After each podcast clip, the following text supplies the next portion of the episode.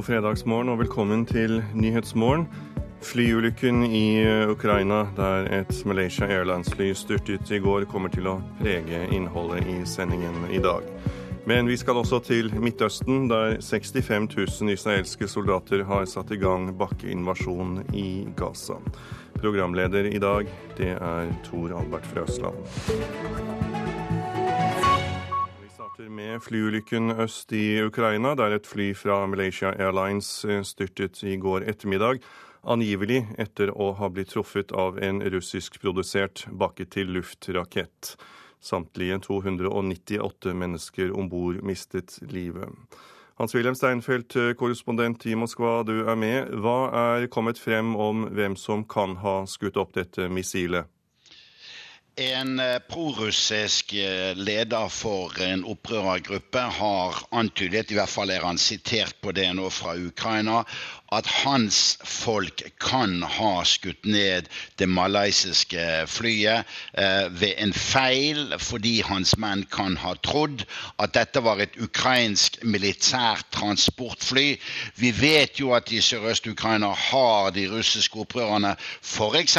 skutt ned meget avanserte russiskproduserte Antonov 24-fly, som tilhørte det ukrainske luftforsvaret, og de har skutt ned avanserte MIG-helikoptre. Eh, det er så langt vi konkret har noe holdepunkter på eh, spørsmål om hvem som kan eventuelt ha skutt ned dette flyet. For russiske myndigheter tar ikke ansvar, men peker på Ukraina. Hva er årsaken til at president Putin er så raskt ute med en slik påstand?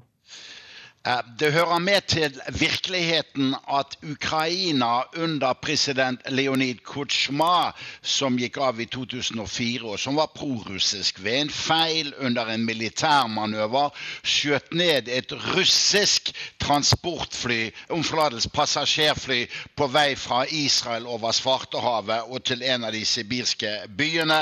Eh, dette er et faktum, og trolig prøver Vladimir Putin, president i Russland, Russland å spekulere eller henge sin spekulasjon på dette tragiske faktumet som Ukraina i sin tid gjorde seg skyldig i. Men det er ikke bare Russland som peker på andre i denne saken. Både ukrainske myndigheter og prorussiske separatister gjør det samme, Steinfeld?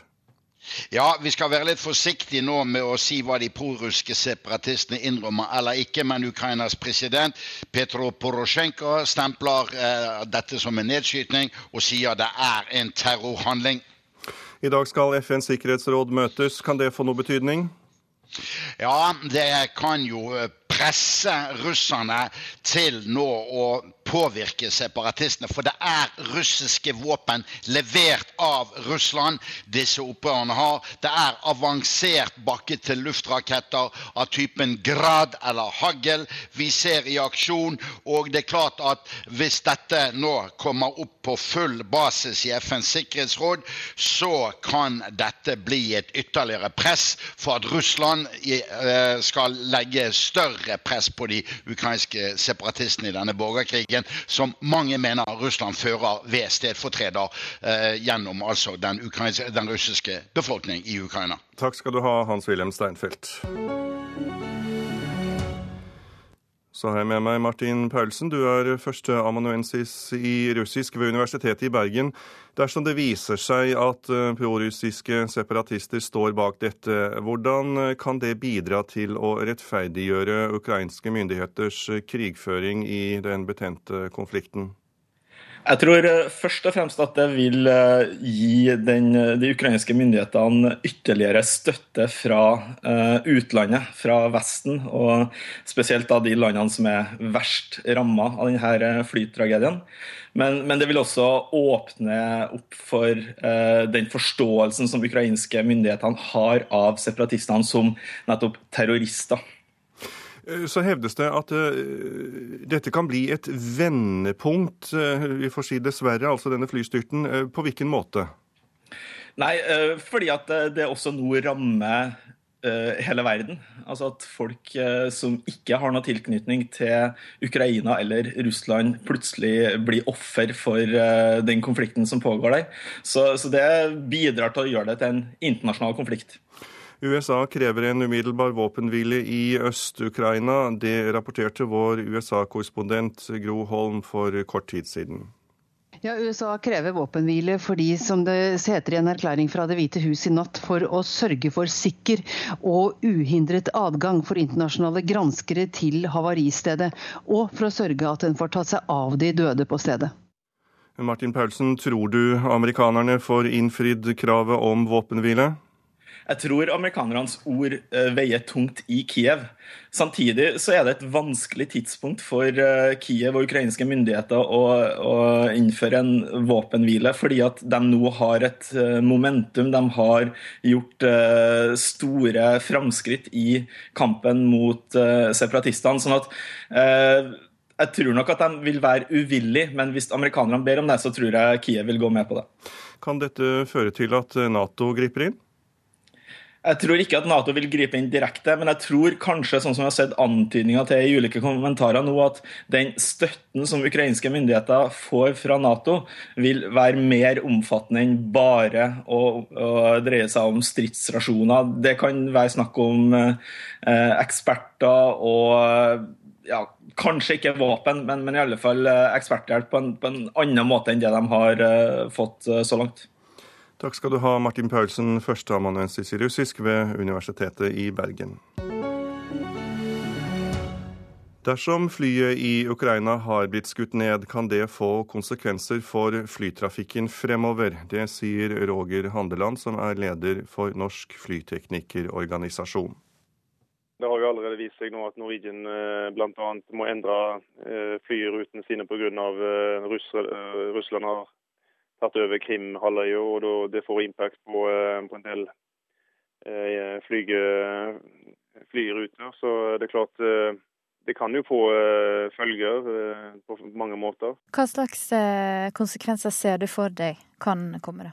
Nei, Det kan jo bli strengere regler for, for innsjekk og security igjen, da, og at vi er i en faresituasjon for for uh, terrorangrep andre plasser òg. Og det er jo en frykt som alle har i flybransjen, at du skal få noe lignende 11.9. Så får får vi håpe at vi er på vei inn i noe sånt. Reporter her var Eirin Årdal, og det blir mer om flystyrten i Ukraina i Dagsnytt klokken 7.30. Da skal vi til eh, situasjonen i Midtøsten. Elleve palestinere og en israelsk soldat er blitt drept i israelske stridsvognsangrep mot Gazastripen i natt. Det melder palestinske helsemyndigheter til Reuters. 65 000 israelske soldater startet i natt en bakkeinvasjon i Gaza. Lege og Palestina-aktivist Mats Gilbert har i løpet av natten behandlet mange av de sårede ved Shifa-sykehuset i Gaza. Den har vært eh, helt forferdelig. Det har eh, vært intenst bombardement fra israelske tanks eh, hele natten gjennom. Og det har veltet bølge for bølge med sårede sivile palestinere inn på sykehuset. Vi har hatt store mengder barn kvinner. Eh, alle operasjonsstuene har gått i hele natt. og Den siste bølgen med sårete kom for en halvannen time siden, og det har vi nå etter hvert fått ryddet opp i. Det har vært jobbet intenst, og det har vært hjerteskjærende å se disse forskremte eh, barna spesielt, med til dels store skader som har kommet sammen med blodige og eh, fortvilte foreldre Reporter Jan Espen Kruse, du er med fra Gaza by. Nå hørte vi nettopp Gilbert fortelle hvordan natten har vært på sykehuset, men eh, hvordan har natten vært i Gaza by? Ja, det har jo vært et eh, kolossalt bombardement hele hele natta igjennom. Eh, det har kommet i bølger, og det er skutt fra krigsskip fra sjøen, det er brukt helikoptre, jagerfly. Og så har altså israelerne krysset over grensa til Gaza flere steder med stridsvogner og soldater. Sånn at eh, den offensiven den har vært veldig, veldig kraftig. Ja, du beskriver et, et, sagt kraftig trykk eh, på ildgivningen. Eh, hvordan er situasjonen nå i morgentimene? Ja, Den siste halve timen har jeg hørt enkelte eksplosjoner, enkelte tunge drønn. Men det er helt klart at etter hvert som dagslyset kom, så har den israelske offensiven blitt tonet noe ned. Det er ikke på langt nær akkurat nå det som det var, men vi vet jo ikke. Det kan jo ta seg opp igjen når som helst. Er det noe tegn til en våpenhvile? Nei, det har ikke kommet noen gjennombrudd i løpet av natta. Disse forhandlingene i Kairo mellom alle partene de, de pågår jo. Eh, men eh, denne offensiven har vel da ført til at eh, situasjonen har blitt mer fastlåst enn en den var i går. Sånn at en, en, en, våpenhvile sitter vel kanskje litt lenger inne akkurat nå enn den har gjort tidligere. For nå, nå, er, det, nå er det krigshandlinger det dreier seg om. Ja, og, og I tillegg er det da altså et stort internasjonalt press, eh, naturlig nok. Eh, eh, og Du snakker om forhandlingene i Egypt, men har partene klart å, å nærme seg? Eh, det var tydeligvis en viss eh, bevegelse i går da det ble sagt at det skulle bli en ny våpenhvile fra i dag tidlig. Eh, det har jo ikke skjedd. Så det ser ikke ut til at de har nærmet seg noe særlig. Og USA har jo ikke lagt veldig mye press på Israel. De sier at israelerne har rett til å forsvare seg. Men de har jo ikke kritisert denne bakkeinvasjonen på noen annen måte enn å si at de, israelerne må være forsiktige så, de ikke, så ikke de sivile tapene blir altfor store. Takk skal du ha, Jan Espen Kruse, med oss fra Gaza by. Det er Nyhetsmorgen du har på radioen din. Klokken nærmer seg 7.15, og dette er hovedsakene våre. Fortsatt uklart hvem som kan ha skutt ned det malaysiske flyet som styrtet i Ukraina i går. Israel har satt i gang bakkeinvasjon i Gaza. Elleve palestinere og én israelsk soldat er drept hittil i invasjonen. Superhelter blir mer politiske korrekte. På den måten prøver forlagene å nå et bredere publikum, mener ekspert, og det skal du få høre mer om litt senere. Men nå skal du få høre at eh, nødetatene vil at brann- og helsepersonell selv skal vurdere å risikere eget liv. I dag må brann- og helsepersonell vente på ordre fra politiet for å hjelpe skadde i livstruende situasjoner. Dette vil nødetatene endre, og har kommet med nye regler som nå er ute på høring. Vi visste når vi kom fram til stedet ikke nøyaktig hva som hadde skjedd, anten annet enn at det var en eksplosjon. Overlege Rune Rimstad i luftambulanseavdelingen ved Oslo universitetssykehus forteller om da han var på vakt 22.07.2011 og rykket ut til regjeringskvartalet i Oslo. Og valgte da å eh, behandle pasienter helt fra start, men eh, fikk beskjed av politiet om å holde oss Eh, bak bygninger og på en måte være litt sånn i, eh, i le eller skjul da, fra det opprinnelige bombestedet. For dagens regelverk er klart. I bil- og båtulykker kan brann- og helsepersonell gripe direkte inn. Men i situasjoner der brann- og helsepersonell kan risikere sitt eget liv, skal de vente på ordre fra politiet. Det sier fungerende helsedirektør Cecilie Daa. Det kan være skyting eller det kan være knivstikking eller den type situasjoner. Men ofte er ambulanse og helsepersonell på åstedet før politiet. Slik som under knivdrapene på Valdresekspressen og under Utøya-terroren. Derfor vil myndighetene ha nye regler som nå er ute på høring, skriver Dagens Medisin. Hvis helsepersonell kommer før politiet eh, og man har hatt en litt uklar melding eh, som man kan rydde opp der og da, og f.eks.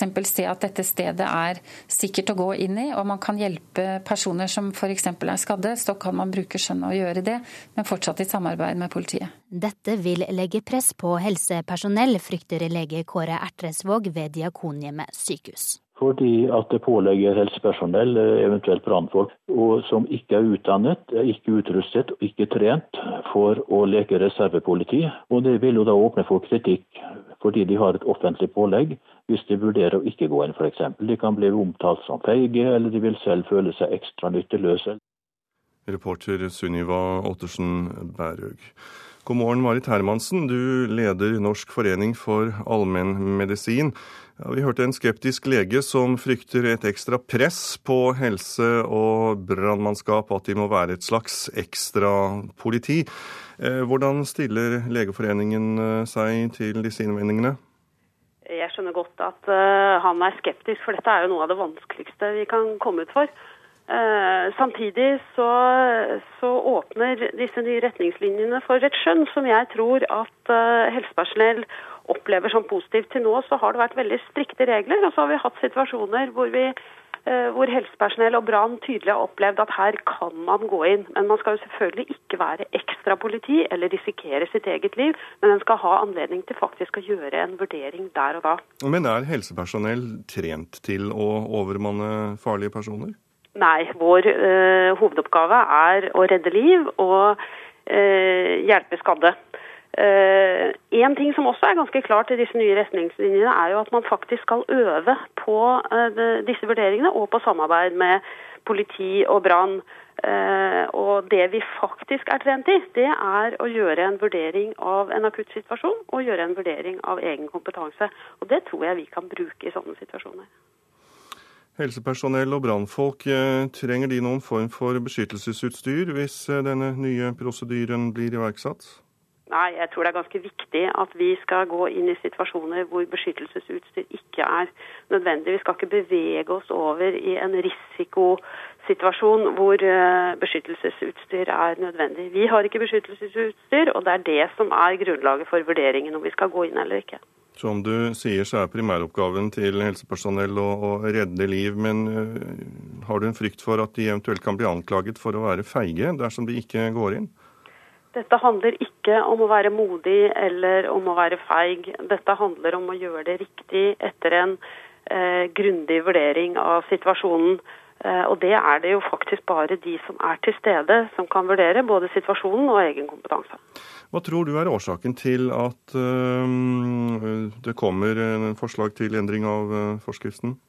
Vi har jo noen erfaringer fra situasjoner hvor eh, brann og helse har opplevd frustrasjon. Hvilke situasjoner tenker du på? Nei, Dette kommer jo som en følge av 22. Juli, eh, arbeidet etter 22. juli. Vi har også Årdal-ulykken. Eh, og det har også tidligere vært situasjoner hvor det har vært frustrasjon og man har følt seg handlingslamma. F.eks. hvor frivillige har gått inn og, og helsepersonell og brann har måttet stå igjen. Takk skal du ha, Marit Hermansen, leder i Norsk forening for allmennmedisin.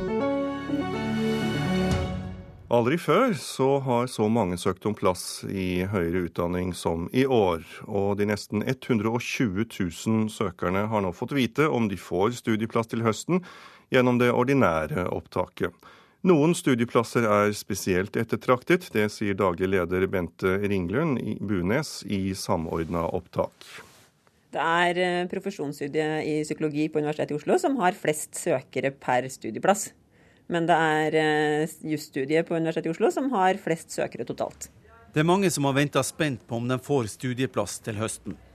Og onsdag ettermiddag, litt tidligere enn venta, var svaret klart til årets rekordmange søkere til hovedopptaket. Det er 119 eh, 914 søkere i år, og det er mer enn det har vært noen gang. 20 år gamle Rikke Sande fra Lørenskog er en av de heldige. Hun fikk den studieplassen hun helst ville ha, på medievitenskap på NTNU i Trondheim. Jeg har fått meg hybel i Trondheim, eh, på Moholt, så det er i boks. Det er jeg veldig glad for. Og så leiter jeg etter en jobb også, da, som jeg kan ha ved siden av studiene. Etter å ha jobba et år i dagligvarebutikk, er hun klar for å flytte til Trondheim og studere. Det tror jeg blir veldig bra. Det blir veldig nytt men, og utfordrende. Men jeg tror det skal gå ganske greit. Ut fra det venner og familie har sagt, så har jo de sagt at det er veldig gøy, og det blir kjent med veldig mange nye mennesker. Så det gleder jeg meg til. Det er fortsatt håp for den som vil studere, men som ennå ikke har fått studieplass, sier Bente Ringlund Bunes i Samordna opptak. Hvis du er kvalifisert for studier, så kan du stå på venteliste. Og så kan du håpe at eh, det blir plass til deg litt seinere i opptaket. Hvis ikke, så legger vi også ut eh, ledige studieplasser. Eh, da legger vi ut en liste på lørdag. Og fra søndag klokka ni så kan man søke på de studiene. Og da kan alle som er kvalifisert søke, uavhengig av om man har eh, søkt i opptaket før i år eller ikke. Så det er det førstemann til mølla, da? Da er det førstemann til mølla. Og de mest populære valgene på ledige studieplasser, de går fort unna. Så da må man sitte klokka ni og være klar. Reporter var Kjartan Røslett. Flystyrten i Ukraina preger mange forsider på avisene i dag. Både Aftenposten, Dagsavisen, Dagbladet og VG har nyheten om at 298 mennesker omkom etter at Malaysia Airlines-flyet styrtet øst i Ukraina. Advokat Sverre E. Kokk går i både Dagens Næringsliv og Finansavisen ut og anmelder en førstestatsadvokat i Økokrim for grov uforstand i tjenesten, etter at Kokk ble frikjent i TransOcean-saken. Fremskrittspartiets Christian Tybring-Gjedde, som sitter i Stortingets forsvars- og utenrikskomité, tror ikke på norsk fredsmekling i Midtøsten, skriver Klassekampen. Han mener Norge bør følge EUs terrorliste, og han mener at utenriksministeren ikke bør forhandle med Hamas. Situasjonen i Midtøsten er også på forsiden av Vårt Land. NRKs tidligere utenriksmedarbeider Jan Otto Johansen frykter en storkrig i regionen. Nasjonen forteller oss at de knasende sørlandschipsene blir mindre norske. Sviktende potetleveranser gjør at selskapet må ty til mer danske råvarer i potetgullposene. Sørlandsartistenes sommerfavoritter, det er hovedoppslaget på Fedrelandsvennens forside. Stavanger Aftenblad skriver om flere rogalendinger som er rammet av magesyke i ferieparadis i Bulgaria. Hodeskadde Ulf Nordahl blir henvist til et bad når han skal på avlastning. Der sover han, spiser, går på toalettet og ser på TV. Badet er brukt slik i fire år, skriver Adresseavisen. Innbyggerne på Uløy i Troms føler seg glemt av politiet etter at kriminelle herjer øysamfunnet, skriver Nordlys. Og Bergens Tidende har møtt en palestinsk mann som har mistet både sønnen og en nevø i krigene i Gaza. Han har ingen tro på fred, og mener det er oss eller dem. Sport nå. Syklisten Alexander Kristoff er glad for å slippe mer mas om etappeseier, etter å ha sikret seg sin aller første etappeseier i Tour de France i går. Yes! Det er fantastisk å endelig klare det. Nå har det jo dere mast så mye med at jeg skulle vinne, så da var det godt å slippe det og høre det mer. Endelig ble det etappeseier i Tour de France for Kristoff. Den prestasjonen samt en knallsterk sesong gjør at Kristoff nå stiller langt sterkere ved eventuelle kontraktsforhandlinger med laget sitt Katusha. Sportssjef i Team Sparebanken Sør og Tor Hushovds tidligere trener Atle Kvålsvold mener det vil lønne seg for Kristoff å bli værende. Han har fått muligheten da, i Katusha til å bygge seg gradvis opp og etter hvert fått veldig tillit til laget. Ikke minst så får han muligheten til å ha det treningsopplegget som han eh, legger sammen med Stein Øen. Få kjøre de konkurransene som han ønsker å kjøre. og Jeg regner med han òg trives veldig godt som, som ellers. Reporter Vegard Aulstad. Nå skal vi høre at treningsduppeditter selger bedre enn noen gang. Stadig flere vil detaljovervåke kaloriforbrenning, aktivitet og søvn, og dele dette på sosiale medier. Morten Mikkelsen er salgssjef i Elkjøp og kan bekrefte trenden. Det vi har sett nå, er at det har blitt en stadig større etterspørsel eh, egentlig måned for måned utover hele vårparten og sommeren. Jeg ser både positive og negative sider ved det. Det sier Therese Fostervold Mathisen. Jeg er næringsfysiolog og doktorgradsstipendiat ved Norges idrettshøgskole. Hun mener det er svært positivt at folk blir mer opptatt av egen helse, men at det også kan være problematisk at man døgnet rundt skal detaljstyre og loggføre kaloriforbruk og dele det med andre på sosiale medier. Hvis det skulle vise seg at dette blir enda større del av eh, av bloggingen og nettverkene hvor man fremlegger resultater fra dette, så er det klart at det vil skape enda mer press. Reporter Åsta Hoem Hagen. Tegneseriehelter endrer personlighet og blir, mer, blir, nå mer politisk korrekte. Den siste uken har Archie dødd for å beskytte sin homofile venn. Thor blir kvinne, og Captain America blir svart. Og en av de norske tegneserieskaperne er åpen for å gjøre tilsvarende forandringer med sin serie Urban Legend. I denne utgaven her så handler det f.eks. at uh, fetteren hans er død. Og han får skylda for at, um, at uh, fetteren hans Justin er død. da. For Justin flytta jo til Malcolm. Superhelten heter Malcolm. Josef Johannes forteller om superhelten Urban Legend, som kom til verden i 2010. Urban Legend hører til en gruppe som for tida går gjennom vesentlige karakterendringer. Denne uka ble det kjent at superhelten Thor skifter kjønn, Captain America blir svart og helten Archie dør for å beskytte sin homofile venn. Nei, Det er klart, eh, det som ligger i bunnen er jo ønsket om å nå et større publikum. Eh, helt klart det. Forteller tegneserieekspert Morten Harper. Det er politisk korrekt. Man ønsker på en måte å appellere bredest mulig. Mange forskjellige grupper. Superhelttegneseriene har jo ofte vært eh, en gutteting. Så det å på en måte introdusere f.eks. kvinnelige figurer, da til og med kjønnsskifte hos enkelte, er nok uttrykk for et forsøk da på på favn bredere i lesegruppene, eh, og dermed da øke salget. Johannes forstår motivene for å endre karakterene sin personlighet, og er ikke fremmed for at det en gang kan skje med Urban Legend. Ja, det er absolutt. Altså, jeg er veldig åpen for sånne forslag. Selv om jeg syns kanskje nå det er kanskje litt tidlig for The Urban Legend. Men uh, Kanskje på et senere tidspunkt, ja. Det hadde vært veldig interessant. Tegneserieredaktør i Egmont, Norges store serieforlag, Tonje Tornes, forteller at publikums ønske i USA nettopp er forandring fra tid til annen. Fansen ønsker litt omveltninger. Du forventer at Marvel og de skal gjøre noen sånne store stunter.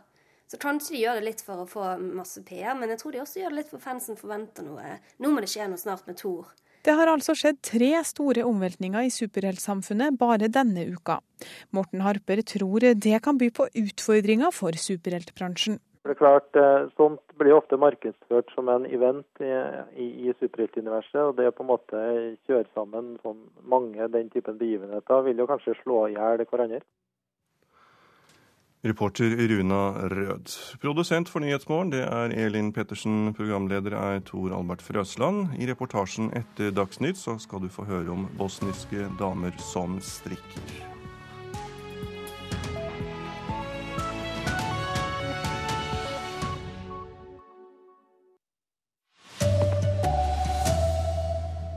Over 100 av passasjerene i flyet som ble skutt ned fra Ukraina, var på vei til en aids-konferanse i Australia.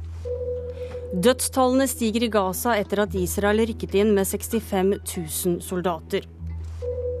Nye regler kan gi brannmenn og ambulansefolk lov til å rykke inn i farlige situasjoner før politiet kommer.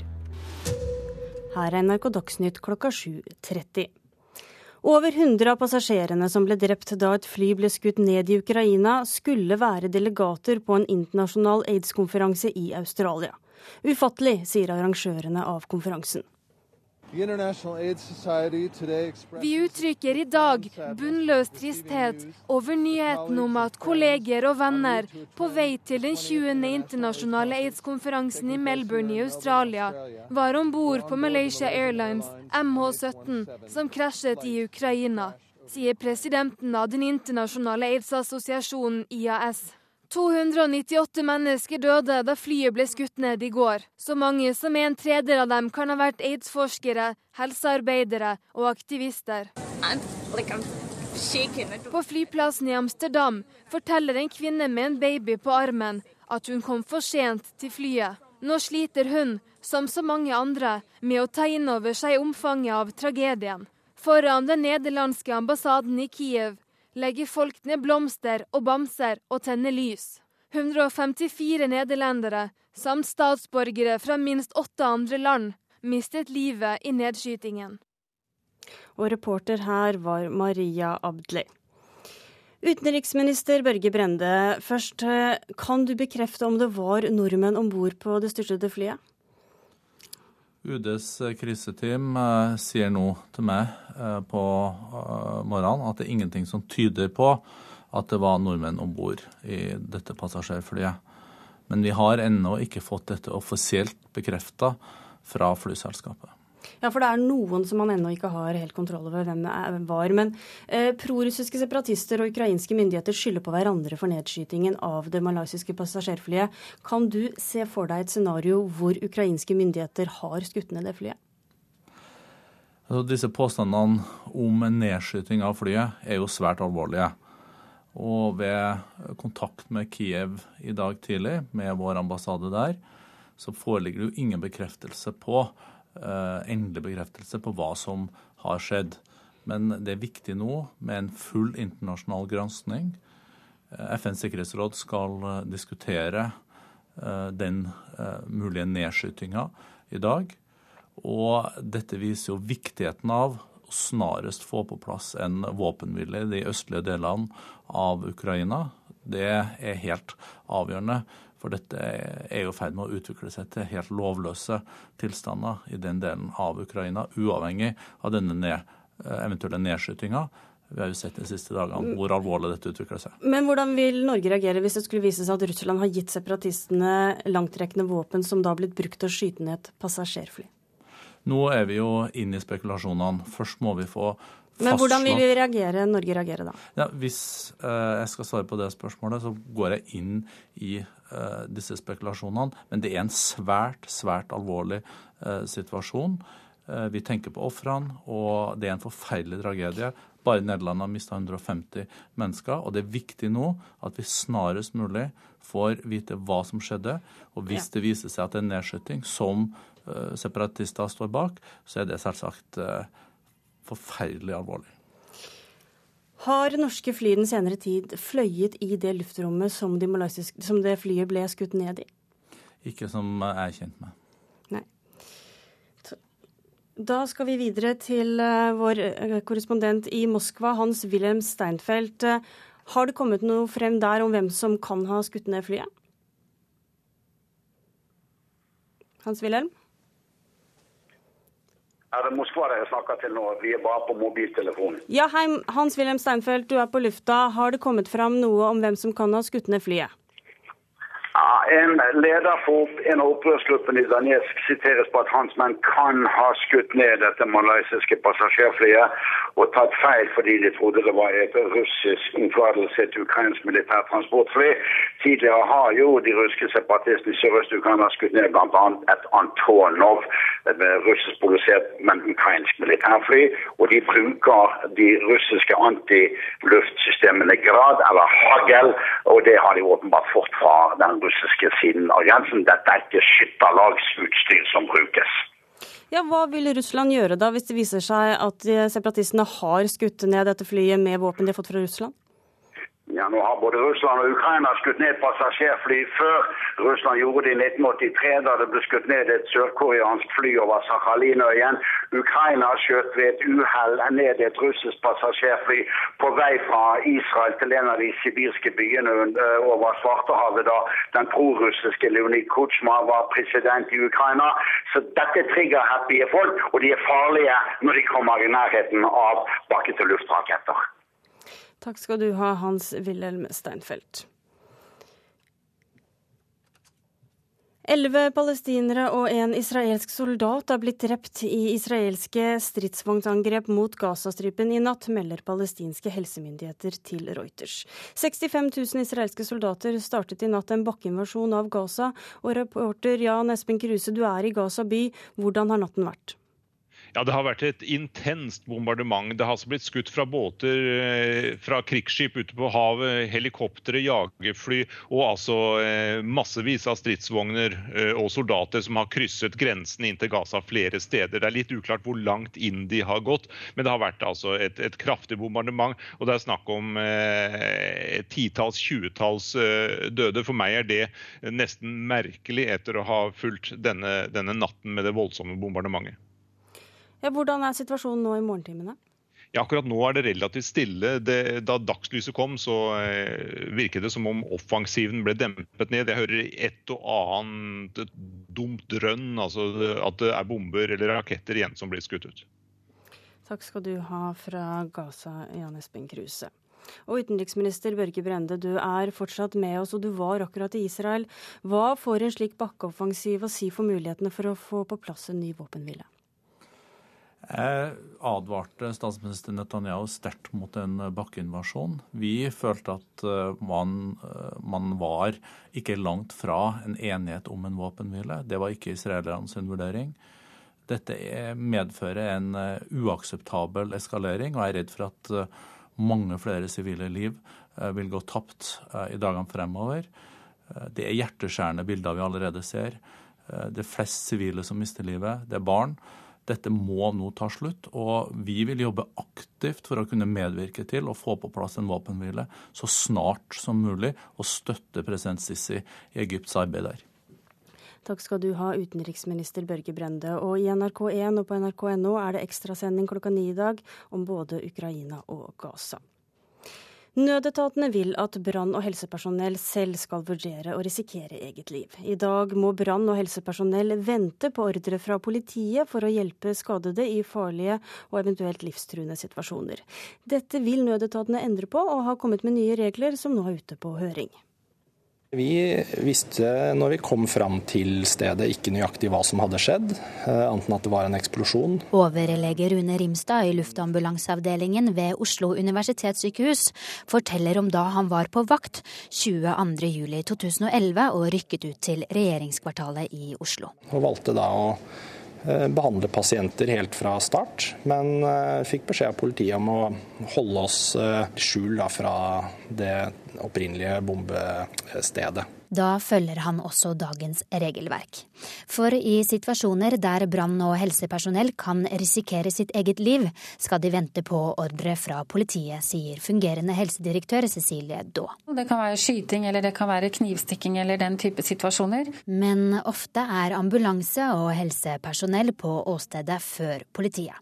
Slik som under knivdrapene på Valdresekspressen og under Utøya-terroren. Derfor vil myndighetene ha nye regler som nå er ute på høring, skriver Dagens Medisin. Hvis helsepersonell kommer før politiet og f.eks. ser at dette stedet er sikkert å gå inn i, og man kan hjelpe personer som f.eks. er skadde, så kan man bruke skjønn og gjøre det. Dette vil legge press på helsepersonell, frykter lege Kåre Ertresvåg ved Diakonhjemmet sykehus. Og Det vil jo da åpne for kritikk fordi de har et offentlig pålegg hvis de vurderer å ikke gå inn f.eks. De kan bli omtalt som feige, eller de vil selv føle seg ekstra nytteløse. Reporter Sunniva Ottersen Bærug. Ansvarlig for sendingen Astrid Randen. Teknisk ansvarlig Hilde Tosterud. I studio Tonje Grimstad.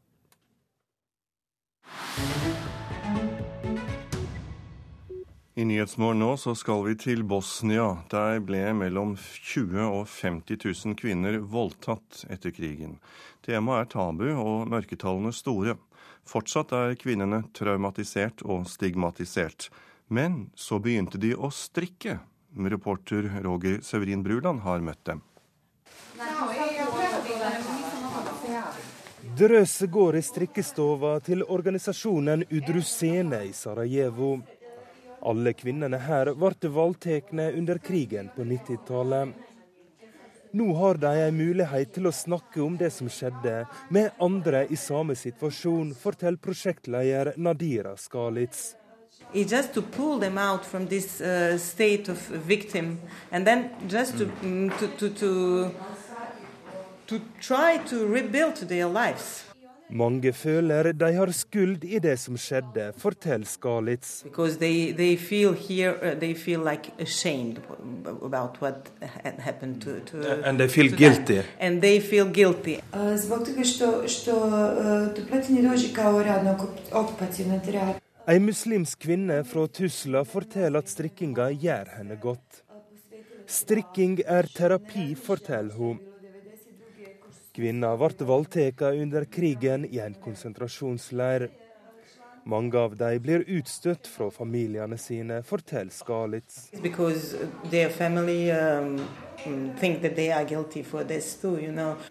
Og derfor vegrer mange seg for å snakke, så trolig er mørketallene store. So the, what they are afraid that they will be uh, condemned by their own family. Yes. Yes. And can they get divorced? Can that be a reason for divorce and, and things like yes. that? Yes, it happened. FN i Bosnia anslår at 20 000-50 000 kvinner ble utsatt for grove seksuelle overgrep under krigen. In, in rooms and in, in, in, in houses, in dark rooms, and uh, soldiers, Bosnian Serb soldiers, came into with flashlights looking for. Fotografen Armin Smalovic har laga portrett av kvinner som har stått fram. Fotografiene er mørke, ofte synes bare et øye. En illustrasjon på mørke tanker. men også på lysstrålen fra lommelykta til soldaten som kom i fangehullet for å finne ei kvinne å voldta. How they were lightened by soldiers to pick get raped. Massevoldtekter var et effektivt våpen under krigen. Det reiv sund familier og lokalsamfunn, men ble audmjuka og mista kampmoralen. Jeg drista meg til å spørre Armin om hvordan den seksuelle volden også påvirker menn i Bosnia.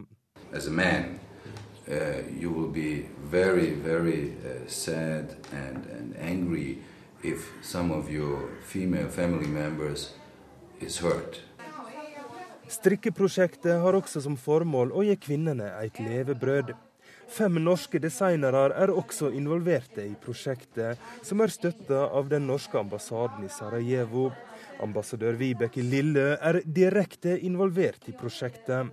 Jeg er jo selv en, eh, en strikkefantast. Så jeg har faktisk eh, en gang i året strikkeselskaper med ofre for seksuell vold fra krigen. Og der forteller de meg jo det at det eneste behandlingen de på en måte har fått, det er jo den de selv har sørget for gjennom å komme sammen og strikke. Klokken er 7.44. Nyhetsmorgen lytter du til. Overskriftene våre nå. Fortsatt uklart hvem som kan ha skutt ned det malaysiske flyet som styrtet i Ukraina i går. Israel har satt i gang bakkeinvasjon i Gaza. Elleve palestinere og én israelsk soldat er drept hittil i invasjonen. Og nødetatene vil at brann- og helsepersonell selv skal vurdere å risikere eget liv. Eh, men nå skal vi høre at både båtruter, skoler og tannlegekontor kan bli lagt ned, fordi fylkeskommunene i distriktene nå skal få mindre penger. I Dagsrevyen i går fortalte vi om sterke reaksjoner på at regjeringen endrer pengefordelingen mellom fylkene. God morgen, Geir Toskedal. Du sitter i kommunalkomiteen på Stortinget for Kristelig Folkeparti. Hva tenker du om konsekvensene av at mindre fylker får mindre penger? Vi ser at Norge har vært i sterk utvikling de siste årene. Det gjelder folketall og bosetting. Det har vært en sentralisering. Og når vi da ser at tildeling av offentlige midler til fylkeskommuner ikke har vært justert på over 20 år, så var det nødvendig å foreta en endring. Det har det vært en nokså tverrpolitisk enighet om, og det har vi deltatt i. Når vi da foretar den fordelingen, så viser det seg at noen fylker da får, må ned i tilskudd, mens andre har ikke fått det de har krav på, og de må da få økt. Så hva er da din utfordring til regjeringen? Utfordringen blir da at det er kanskje noen fylkeskommuner som kommer skjevt ut. De har fem år på å rette opp dette, men det ser likevel ut for, og det skal vi sette oss grundig inn i, at spesielt Sogn og Fjordane og Nord-Norge trenger kanskje å ha et særlig blikk. Mm, spesielt da Nordland, etter hva jeg forstår. Ja, det, vi har fått de signalene. Jardar Jensen, du er statssekretær i Kommunal- og moderniseringsdepartementet.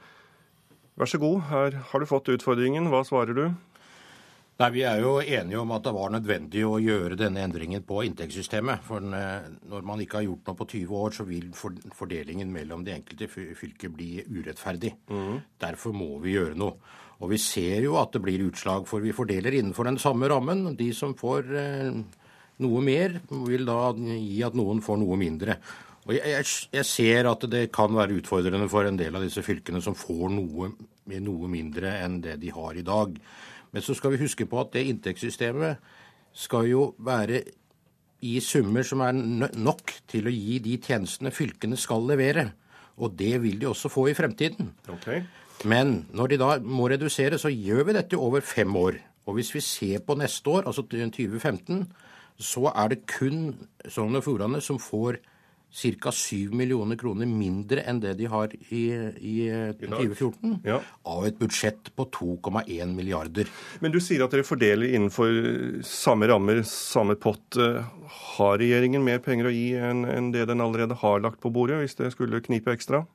Vi har jo også eh, lagt inn til budsjettet for 2015 at vi skal ha en økning av de frie midlene et sted mellom en kvart og en halv milliard til fylkene. Og det vil jo si at man også får mer penger. Hvorfor endrer dere dette? Er det bare den sentraliseringen som Toskedal var inne på, eller er det annet som ligger til grunn? Nei, Det har jo skjedd en endring på andre områder også, innen infrastruktur. Det er bygd en del nye veier, det er bygd en del eh, broer, som gjør at det er nødvendig å oppdatere faktagrunnlaget. Og det er klart at Når faktagrunnlaget er fra tidlig 90-tall, så vil utslagene for fylkene bli feil. Og Derfor er det noen som har tapt nå i mange år. Og da har den forrige regjeringen varslet siden 2010 at de må gjøre noe, men vi gjør noe. Og Toskedal, du er enig i at eh, fordelingssystemet må endres. Eh, men disse relativt sterke reaksjonene vi hører, kan det tyde på at eh, dette er for dårlig utredet? Det er viktig å ta et politisk ansvar for at det ikke nå blir en forskjell mellom by og land. Eh, derfor er det vi må se på om for byer og tettsteder nå, altså vi ser eh, Oslo, Rogaland, Stavanger-området osv., kan få tilført midler de kanskje burde hatt eh, flere år tidligere. Jo, for det er en forskjell på by og land, til tross for at du sier at det er viktig å ikke gjøre det. For det er jo annerledes i store pressområder enn det er i mer grisgrendte strøk. Ja, og da er det for oss i Kristelig Folkeparti særdeles viktig å se på at tjenestene blir likt i distriktene, slik at folk, uansett hvor de bor i dette landet, får tilnærmet like tjenester innen de områdene områdene som er nevnt her. Signaler nå fra Sogn og Fjordane og Nordland tyder på, eh, etter deres beskrivelse, at dette blir feil. De har for kort tid, eh, disse fem år. Eh, nå mener vi at de fem årene må vi greie å holde, for dette er nok en, en kriterier som ser ut til å være i, i til å fungere godt. Men vi har noen kompensasjon, ekstra tapskompensasjon som det heter, som vi nå greide å få inn litt ekstra midler. Og det mener vi i Kristelig Folkeparti vi må også kunne se på til høsten, i revidert og i nytt statsbudsjett. Men kommunene varsler altså kutt. Er det ikke naturlig med kutt i både samferdsel og i skole, nå når dere begge er enige at det er rettferdig at noen fylker må få mindre Toskedal? Ja, i Sogn og Fjordane er det nok dessverre slik at det der blir nok kutt eh, på, på, noe. Det ser ut for det, uansett hvordan vi ser på dette. Og Det er de klar over. Det var de forberedt på, men de syns at utslagene ble større enn de hadde venta, og det vil vi sette oss grundig inn i og vurdere. Jensen, eh, hvor mener dere i, i, i regjeringen at eh, Nordland og Sogn og Fjordane kan kutte i millionene de mister? Nei, Vi skal ikke legge oss inn i de, de, prioriteringene man gjør i de enkelte fylker. Men vi registrerer jo at eksempel eh, når det gjelder Sogn og Fjordane, så har de med dagens system fått 200 millioner kroner mer til å drifte eh, ferger og båter enn det de reelt sett rapporterer at de bruker. Så det er jo rom for en reduksjon av rammen. En justering der, altså. Ja. ja. Eh, Toskedal, kan disse truslene om, om, nedleggelser og kutt som vi hører, være en slags form for krisemaksimering, ulv-ulv-rop fra fylkene? Ja, altså Det er jo naturlig når du får den eh, så dramatiske kutt, at de syns konsekvensene blir for store. Så Beskrivelsen av de varierer jo fra fylke til fylke, og det vil vi i Kristelig Folkeparti. Vi har sett av meg og partileder Knut Arild Hareide vil bl.a. reise bort og ha et møte med myndighetene i, i Sogn og Fjordane for å lytte til hvordan, de vil beskrive dette. Det er veldig viktig for oss nemlig at, eh, som jeg sa, at tjenestene blir likere i landet, mellom by og land land så langt vi greier å få det til. Og da må vi se på om de ordningene ja, så, så, langt vi greier å få det til. For ja. det er jo ikke gitt at alle kommuner skal ha 100% samme helsetjenester. Det kan være at eh, enkelte kommuner kan eh, tjene på å, å samordne. Ja, og det, det, er korrekt. Dette landet vårt er så u, ulikt sammensatt fra fylke til fylke at eh, det er nok korrekt. Men likevel så vet vi at Sogn og Fjordane har spesielle utfordringer. De har lang reisevei, de har mange ungdommer som bor på hybel, de har et eh, komplisert samferdselstilbud med ferjer osv. Slik at det, eh, det går an å se grundig på dette, og det vil vi bruke høsten på å vurdere. Om vi skal forsøke å fremme litt mer tapskompensasjonsmidler til både kanskje kommuner i fylker i Nord-Norge og Sogn og Fjordane. Jensen, hvordan kan den varslede kommunereformen eh, påvirke dette bildet? Nei, Den vil ikke ha noe innvirkning på når det gjelder selve fylkene, for de har jo ulike oppgaver. Men eh, jeg tror nok det er riktig som Toskedal sier, at vi skal lytte til de signalene som kommer. Men vi skal også ha litt is i maven og se hvordan dette utvikler seg. For Fylkespolitikerne er eh, dyktige folk, og de finner gode løsninger når de setter seg ned til høsten og skal bygge de nye budsjettene. Takk skal du ha, statssekretær Jardar Jensen, og takk også til Geir Toskedal, som er stortingsrepresentant for Kristelig Folkeparti. Nå skal vi til dagens eh, sommergjest, og det er selveste statsminister Erna Solberg, som vi møtte for noen dager siden.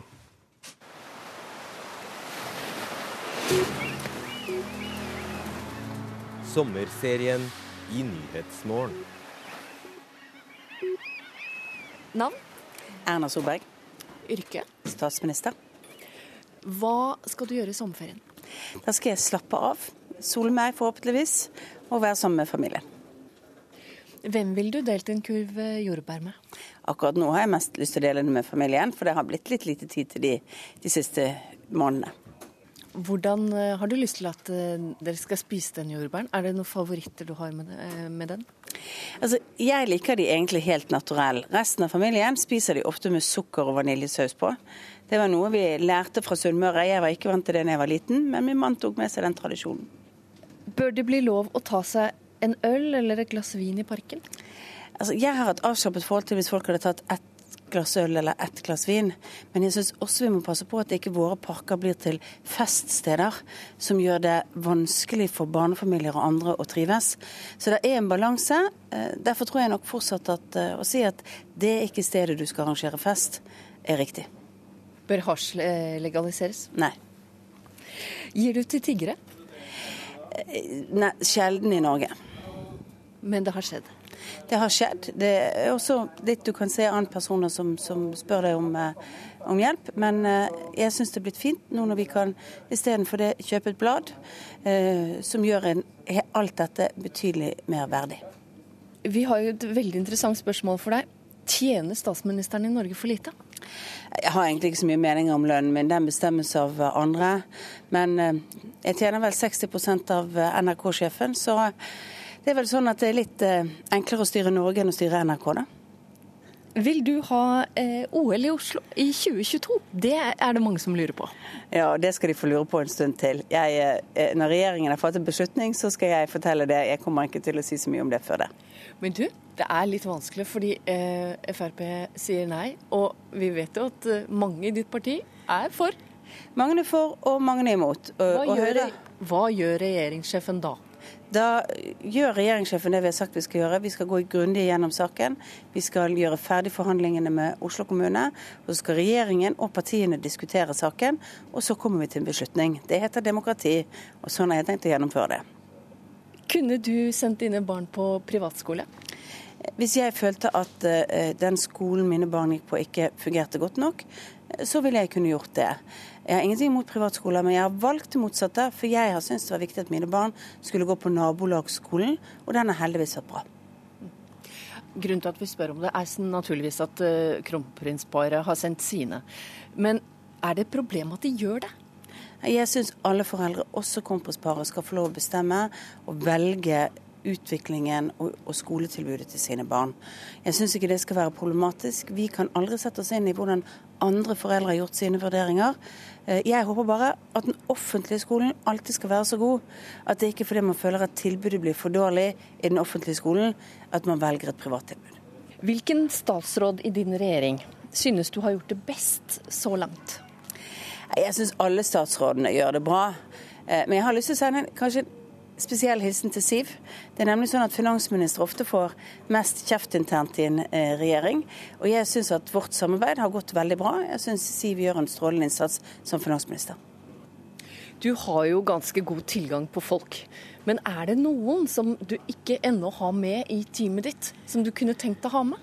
Det hender jo av og til at jeg kunne ønsket meg en av disse superheltene fra tegneseriene som bare ordnet alt. Men sånn er det ikke i demokratiet. Her får vi jobbe oss gjennom alt. Sånn at du kan dra på ferie? Sånn at jeg kan dra på ferie. God sommer. Takk skal du ha. God sommer til alle andre.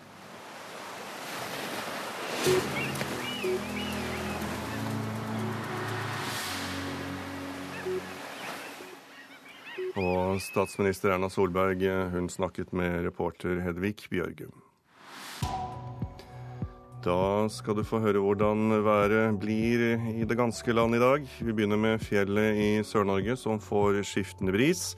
Nord for langfjellene lokale regnbyger, kan hende med torden først på dagen. Ellers blir det stort sett opphold, og fra utpå dagen mye sol. I kveld lettere vær i hele området. Østafjells blir det sørvest bris på kysten, uttrykt for enkelte regnbyger i indre strøk. Ellers opphold og en del pent vær, men lokal morgentåke.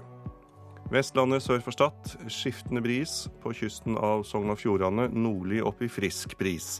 Enkelte regnbyger, men etter hvert blir det pent vær.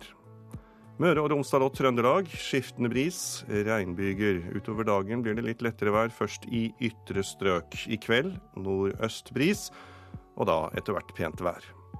Nordland får nordøst opp i frisk bris på kysten. Enkelte regnbyger på Helgeland, mest i indre strøk, lokalt med torden. Ellers opphold og en del sol. Troms skiftende bris. Fra i ettermiddag nordøst frisk bris på kysten i sør. Uttrykt for regnbyger i indre strøk. Ellers stort sett opphold. Finnmark får skiftende bris. Frisk bris utsatte steder. Regnbyger, etter hvert også i øst. Lokalt kraftige byger, og uttrykt for torden på vidda og i øst. På Nordensjøland på Spitsbergen så blir det sørvest bris og enkelte regnbyger. Morgentemperaturene de ble målt for en snau time siden. Svalbard lufthavn 8 grader. Kirkenes 19. Vardø 12. Alta 13. Tromsø-Langnes 12. Bodø og Brønnøysund 13. Trondheim-Værnes og Molde begge 15. Bergen-Flesland 14.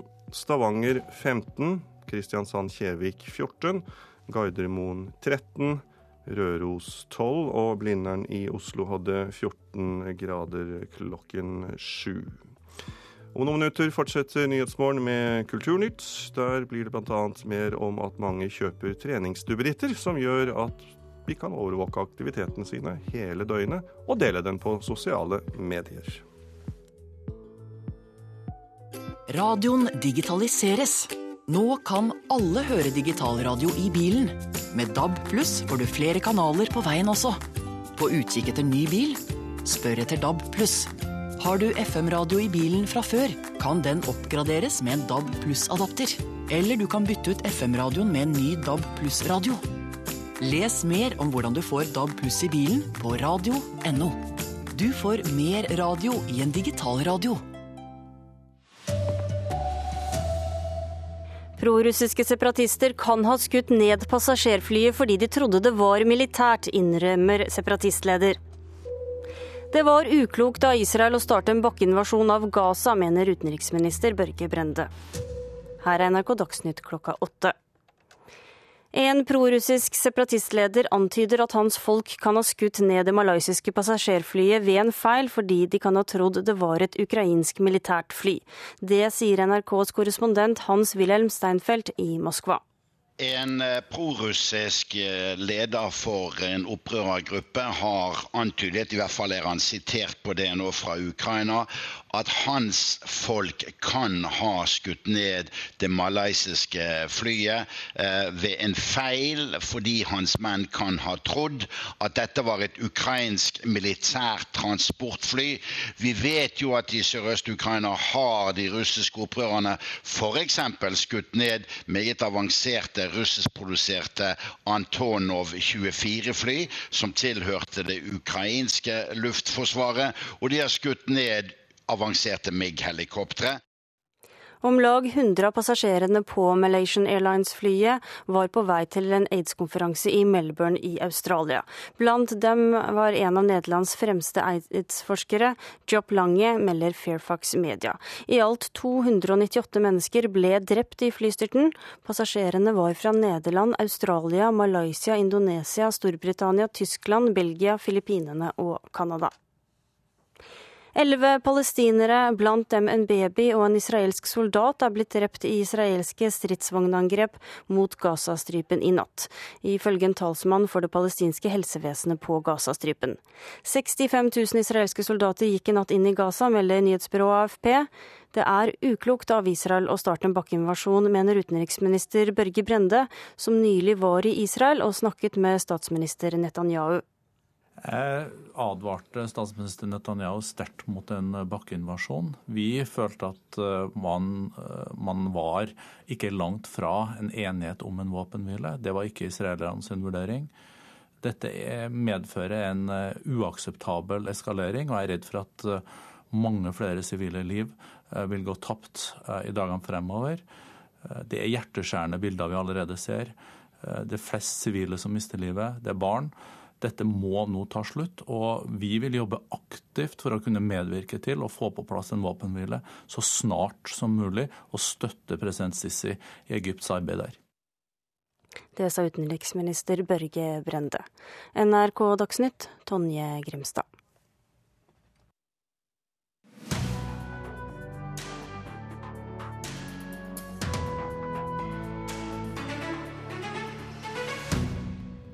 Treningsarmbånd koblet til sosiale medier selger stort. Teknologien øker faren for negativt kroppspress, advarer ernæringsfysiolog. Superhelter blir mer politisk korrekte. Forlagene forsøker å nå et bredere publikum, mener tegneserieekspert. Og fotballklisjeene må begraves, mener fotballblogger. Og så blir det selvsagt fredagspanel i dag. Et fredagspanel som bl.a. skal diskutere mindfulness for barn og gutter og menn som viser frem musklene sine på nettet. Kulturnytt får du med Birger Kolsrud Aasund i studio. Treningsduppeditter selger bedre enn noensinne, og forhandleren Elkjøp har opplevd en tredobling i salg av såkalte treningsarmbånd.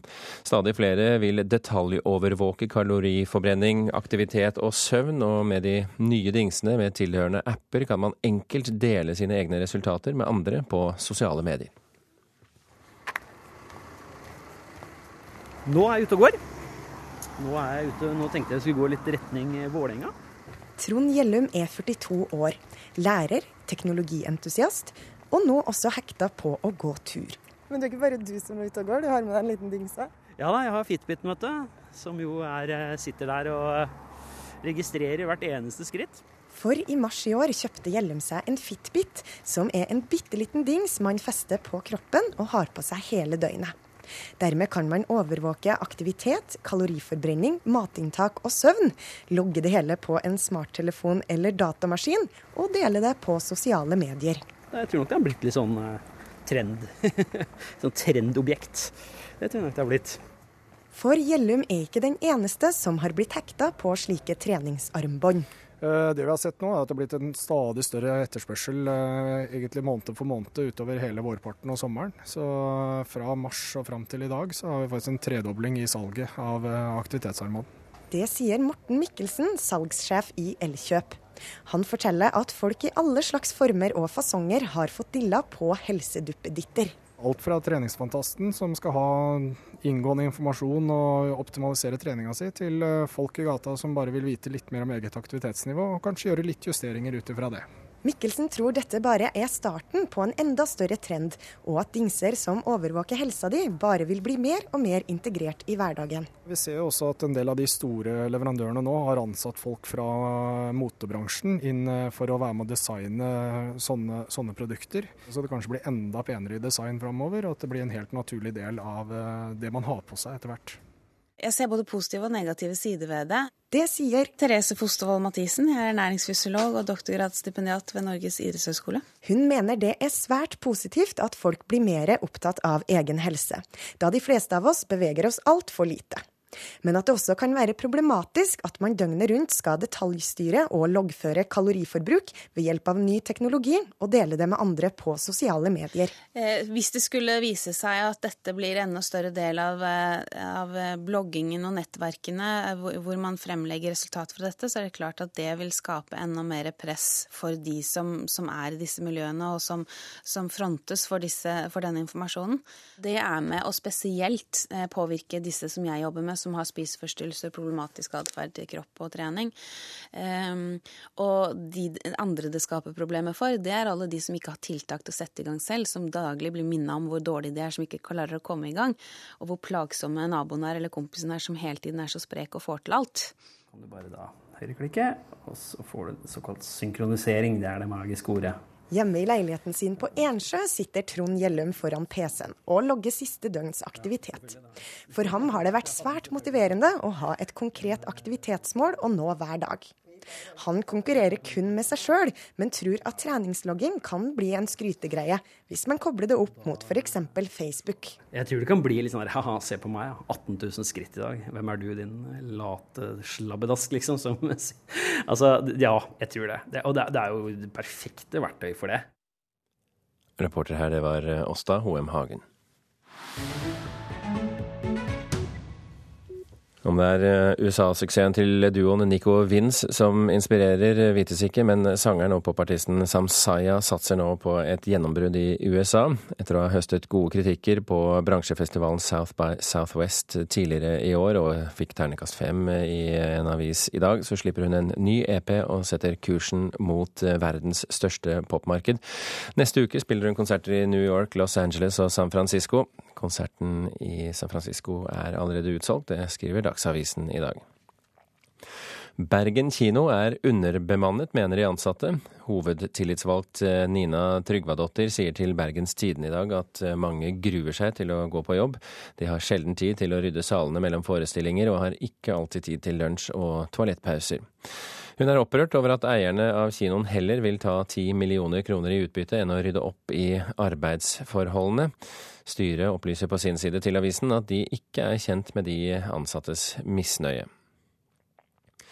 Historien om eh, husokkupantene i Brakkebygrenda i gamlebyen i Oslo skal bli film. Kunstneren Anita Hillestad har fått støtte fra Fritt Ord til prosjektet om tomteokkupantene, skriver Dagsavisen. Hun eh, startet med filmen om Brakkebygrenda to uker før okkupantene fikk utkastelsesbrevet fra Oslo kommune tidligere i sommer. 4.6 aksjonerte politiet mot tomten, og alle beboerne ble fjernet. Salget av tegneserier går stadig dårligere, og tegneserieskaperne ser seg om etter nye måter å holde på publikums oppmerksomhet. Den siste tiden har det dukket opp flere store endringer i serieuniverset i USA, og den norske forfatteren bak tegneserien Urban Legend utelukker ikke at han må finne på noe tilsvarende dramatisk. Her, i denne utgaven her, så handler det f.eks. at uh, fetteren hans er død. Og han får skylda for at, um, at uh, fetteren hans Justin er død. da. For Justin flytta jo til Malcolm. Superhelten heter Malcolm. Josef Johannes forteller om superhelten Urban Legend, som kom til verden i 2010. Urban Legend hører til en gruppe som for tida går gjennom vesentlige karakterendringer. Denne uka ble det kjent at superhelten Thor skifter kjønn, Captain America blir svart og helten Archie dør for å beskytte sin homofile venn. Nei, Det er klart, eh, det som ligger i bunnen er jo ønsket om å nå et større publikum. Eh, helt klart det. Forteller tegneserieekspert Morten Harper. Det er politisk korrekt. Man ønsker på en måte å appellere bredt, bredest mulig. Mange forskjellige grupper. Superhelttegneseriene har jo ofte vært eh, en gutteting. Så det å på en måte introdusere f.eks. kvinnelige figurer, da til og med kjønnsskifte hos enkelte, er nok uttrykk for et forsøk da på på favn bredere i lesergruppene, eh, og dermed da øke salget. Johannes forstår motivene for å endre karakterene sin personlighet, og er ikke fremmed for at det en gang kan skje med Urban Legend. Ja, det er absolutt. Altså, jeg er veldig åpen for sånne forslag. Selv om jeg syns kanskje nå det er kanskje litt tidlig for The Urban Legend. Men uh, kanskje på et senere tidspunkt, ja. Det hadde vært veldig interessant. Altså, hvis det er noe jeg liker og som jeg tror kan hjelpe med å gjøre The Urban Legend større, så I'm all in. Tegneserieredaktør i Egmont, Norges store serieforlag, Tonje Tornes, forteller at publikums ønske i USA nettopp er forandring fra tid til annen. Fansen ønsker litt omveltninger. Du forventer at Marvel og de skal gjøre noen sånne store stunter. Så kanskje de gjør det litt for å få masse PR, men jeg tror de også gjør det litt for fansen forventer noe. Nå må det skje noe snart med Thor. Det har altså skjedd tre store omveltninger i superheltsamfunnet bare denne uka. Morten Harper tror det kan by på utfordringer for superheltbransjen. Det er klart, eh, Sånt blir ofte markedsført som en event i, i, i superheltuniverset. og Det på en måte kjøre sammen sånn mange den typen begivenheter vil jo kanskje slå i hjel hverandre.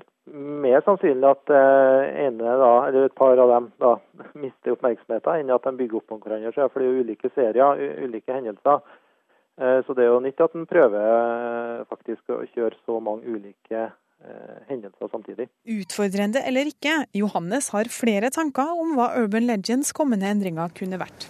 Enten Mange som har spurt om en sidekick, mange har spurt om han skal gifte seg, mange som har spurt om å en, uh, skape en kvinnelig superhelt inn i historien. og Kanskje lage en sånn superheltkvinne som har vært med i historien, som har blitt ond. da, Som går mot han da, Sette han i felle. Forføre han på alle ulike måter. Reporter her, det var eh, Runa Rød. Klokken er tolv og et halvt minutt over åtte. Du hører på Kulturnytt, og dette er toppsaken i Dagsnytt nå. Prorussiske separatister kan ha skutt ned passasjerflyet fordi de trodde det var militært, innrømmer separatistleder. Det var uklokt av Israel å starte en bakkeinvasjon av Gaza, mener utenriksminister Børge Brende. Og nødetatene vil at brann- og helsepersonell selv skal vurdere å risikere eget liv. De språklige fotballklisjeene må lukes bort, mener fotballblogger Mina Finstad Berg. Fotballkommentator i Dagbladet Esno Sæther forstår hvorfor klisjeene brukes, men oppfordrer også til eh, at sportsjournalister leker seg mer med språket. Det kan bli 7-0, det kommer et skudd, og det blir 7-0! Schirle gjør 7-0! For Tyskland mot Brasil! Det var Tyskland mot Brasil, og det var ufattelige sju tyske mål mot brasilianerne. Fotball-VM er over for denne gangen, og det er tid for ettertanke. Fotballblogger Mina Finstad Berg har tenkt, og i ei ytring på nrk.no tar hun et oppgjør med det hun opplever som fotballens klisjéspråk. Der uttrykk som tysk maskinfotball og brasiliansk samba, som har vært til stades i fotballdebatten i ei årrekke, hun nå vil til livs. Problemet er jo at vi bruker gamle stereotypier om ulike nasjoners liksom, innfødte spillestil i fotballen når vi analyserer dagens eh, VM. Eh, og Det blir ofte feil fordi at eh, lagene har beveget seg ganske langt vekk fra den tradisjonelle spillestilen. Altså Brasil spiller jo ikke lenger sambafotball, for det har de ikke spillemateriale til. Og tyskerne spiller heller ikke kun maskinfotball lenger. Det er klart at Med den store fotballinteressen så vil det alltid være noen som bruker de uttrykkene. Men jeg må jo selv si det at brasiliansk samba har jeg aldri forstått hva er. Nå har jeg eh, fulgt med internasjonal fotball, i hvert fall fra 58, men eh, fotball og samba, nei. Det har jeg ikke eh, klart å forstå. Sier tidligere sportskommentator i NRK, Arne Skeie. Når det gjelder tysk maskinfotball, så er det jo noe man hører, men jeg har vel inntrykk i dette mesterskapet med det strålende spillet til Tyskland, så er det et uttrykk som har blitt eh, borte. Sportskommentator i Dagbladet Esten O. Sæter er samd i at klisjeene skaper språklig utflating, men ser òg åpenbare grunner til at en griper til disse uttrykkene. Det går fort innen sportsjournalistikken. Eh, det går veldig, veldig fort. Og da er det jo lett å, å bruke uttrykk man har brukt eh, tidligere. Særlig fordi de eh, også da kan være grei å, for, for, å, forstå for eh, en stor gruppe som egentlig ikke driver med fotball til, til vanlig. Dette er jo snakk om massejournalistikk. Og da trenger vi alle sammen noen båser å putte ting i, hvis, det, hvis båsene stemmer, da. Mina Finstad Berg etterlyser nå en alternativ ordbruk. Jeg tenker Vi må erstatte det med å se på de, den spillestilen som faktisk utøves på bane. og Da tror jeg vi kan få så mange positive overraskelser som kommer til å gi oss flere gledelige øyeblikk i løpet av et VM, og heller beskrive den fotballen vi ser, enn den fotballen vi forventer å se. Sæter stiller seg òg positiv til mer like med ord på fotballbanen. Og egentlig så har jo den beste sportsjournalistikken er jo den som tør å leke med ord hele veien. fordi fotball er jo tross alt bare, bare, en lek. Det er ikke, egentlig ikke virkelighet. Det er, det er et speil for virkeligheten av og til, men det er en lek. Reporter her var eh, Guro Kvalnes. Apropos lek, nå er Fredagspanelet på vei inn i studio.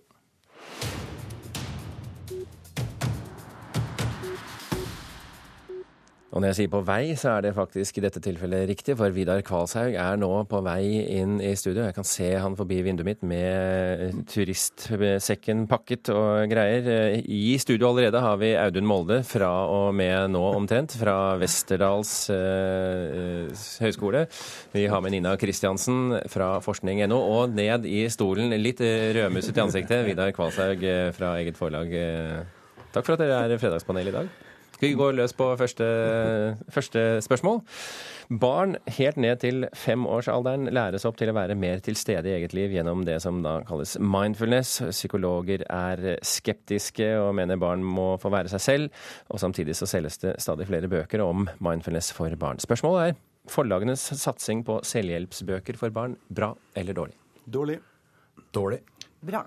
Ah, fint. En uenighet. Vi begynner med bra. Ja, altså Mindfulness er litt sånn vagt for meg, men, det, så, men eh, det handler om å liksom lære empati og bli kjent med seg sjøl og være i tida. Det kan jo ikke være dårlig. Nei, vi har jo sett mange av disse bølgene. Gro Nylander skulle lære oss barnehelse, og Jesper Juel skulle lære oss voksne å være til stede for barn. Og jeg tenker at nå må vi la disse stakkars barna få lov til å være litt i fred. Nå må de få lov til å slippe mer, mer pedagogisk hva skal jeg si, foreldrekontroll på det viset der. Er du enig, Audun? Ja, jeg er helt enig. Dette er jo å slå inn åpne dører fra forlagsbransjen. fordi at barn er jo allerede mindfulle fra fødselen av. Så det er ikke noe galt med å være mindfull, men hvorfor skal man lære det? Jeg tror dette er på en måte voksenproblemer, sånne tidsklemmeproblemer som man forsøker å overføre på barn. Men uh, forlegger Arneberg uh, satt jo her i studio for en dag eller to siden og sa at dette handler jo nettopp ikke om kontroll. Det er det helt motsatte av kontroll, Kvalsheim. Ja, hva skal vi da med en bok om det som er det motsatte av kontroll? Altså at barn leker og er fri og funderer, tenker, stikker av litt, finner på ting. Altså, det, la oss lene oss litt tilbake, vi voksne nå.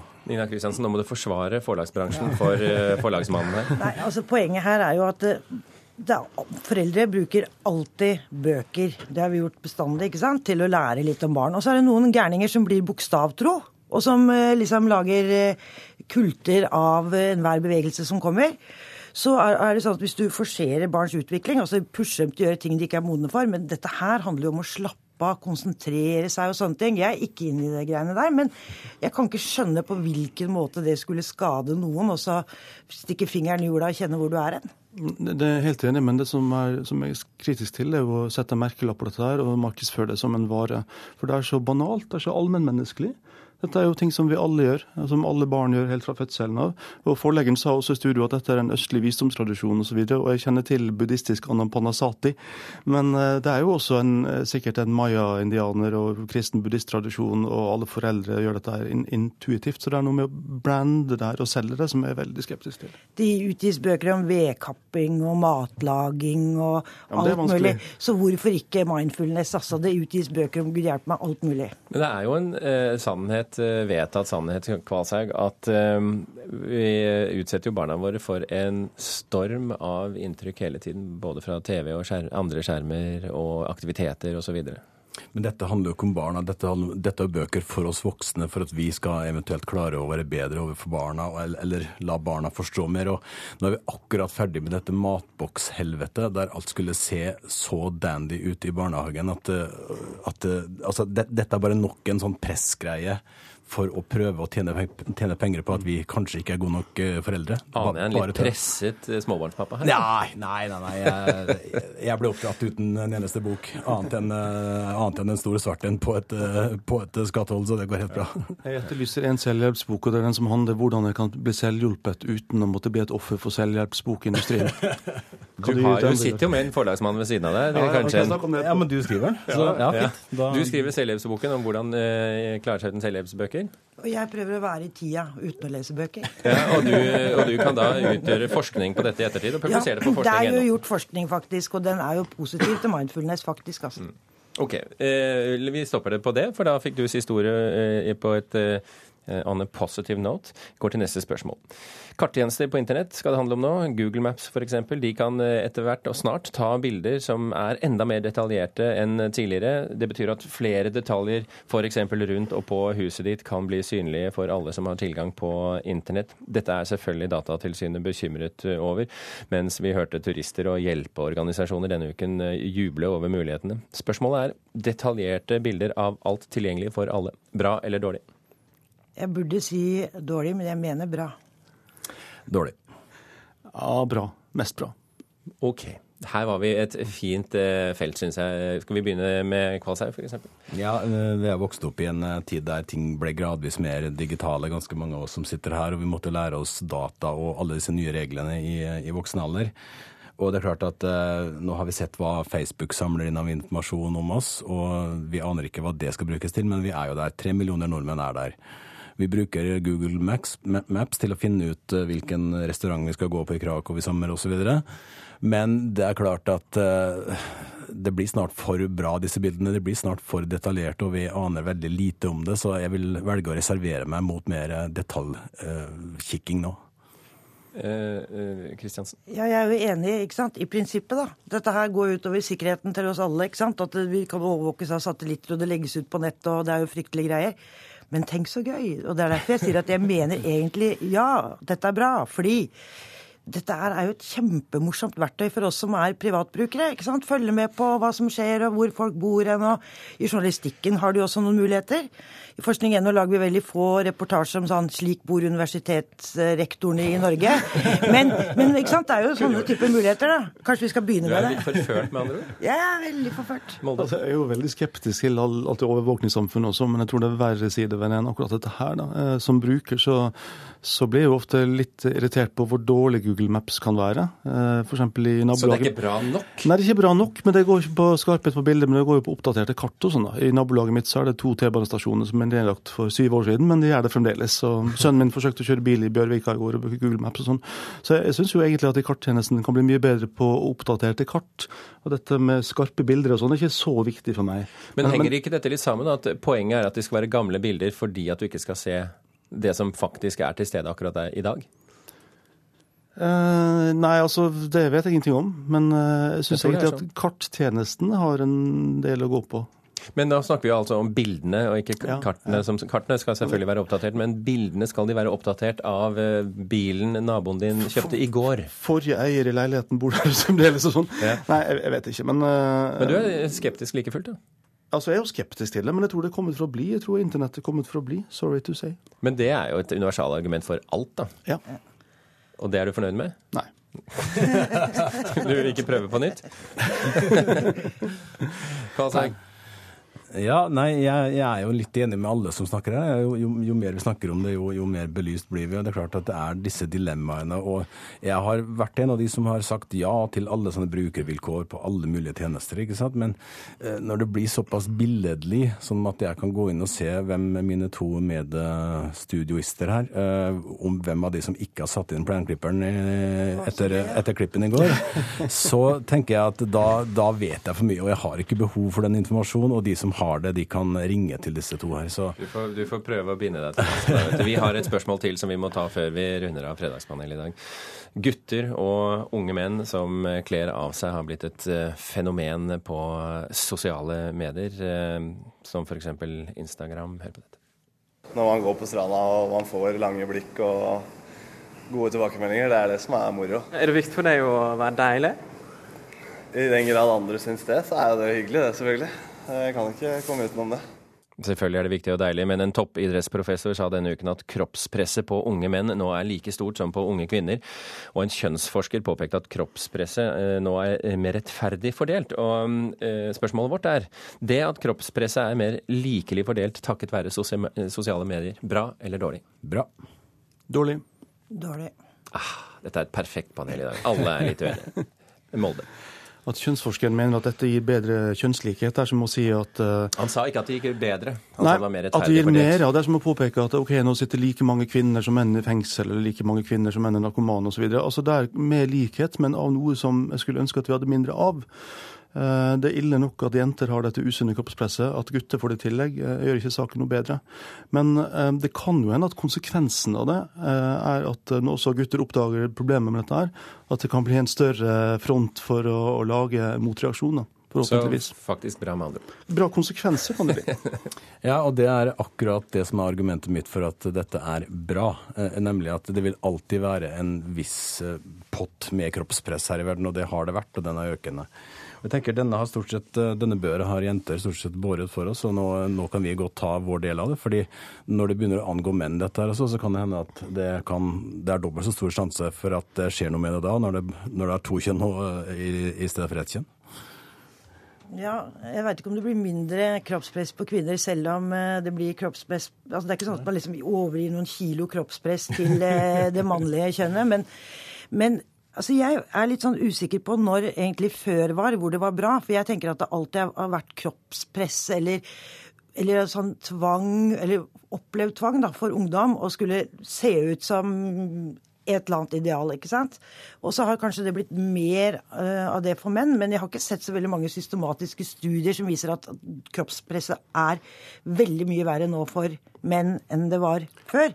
Altså Også på 50-tallet prøvde folk å se tynne ut, 60-tallet, 70-tallet osv. Så videre, sånn at det, jeg veit ikke om det har vært så veldig mye bedre. Men det som er forskjellen, kanskje, da, er at folk, eller i hvert fall gutter i dag, har bedre tid og mer penger til å dyrke det. Og så er det alltid noen som tar det ut i det ekstreme, sånn som de NRK intervjua.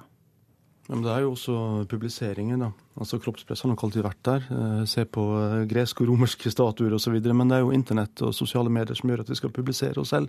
Ja. Det er forskjellen. Jo da, men ikke sant. Så før så viste vi oss fram på stranda, nå viser vi oss fram på Facebook eller Instagram. Ja, ja, ikke sant? Hvor, altså, Poseringa var jo der før også. Mm. Det er bare det at du poserer liksom i en litt større scene.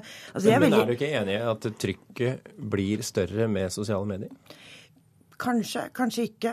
Altså, Jeg veit ikke. fordi at du får jo også større variasjon enn det du gjorde før. ikke sant? Du, du ser jo liksom, du, du, kan plukke og velge litt grann mer mellom hvilken sånn type ungdom du vil være. da, Mens før var det kanskje litt sånn mer A4. Eh, men altså, jeg syns jo det at kroppspress er og skjøn, altså skjønnhetstyranniet, som man kalte det på 90-tallet, altså er en, eh, en, forferdelig ting. Og det, og det, setter ungdom under press. Og det, og det um, gjør at um, noen ender da opp i sykdom av det. Mm. Så Sånn sett så er det en, en uting. Men om det er liksom så veldig mye verre før, det veit jeg faktisk ikke.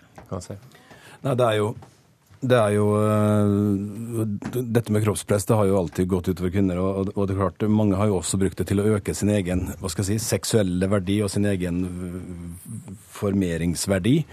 Og det er jo å håpe nå at hvis vi snur det litt på hodet, at sånne ja, røslige karer som Audun og meg også kan få en viss eh, verdi. Eh, på radio, i hvert fall. Ja, på radio, ikke sant. Vi, har, vi, har, vi, vi kommer her med radiokroppene våre og publiserer etterpå. Men vi, vi ser jo det også når, når, dette som da er hashtaggen SK2014, altså sommerkroppen 2014, eh, så kommer det jo masse aparte sommerkropper. Jeg trodde det var et fly, altså SK.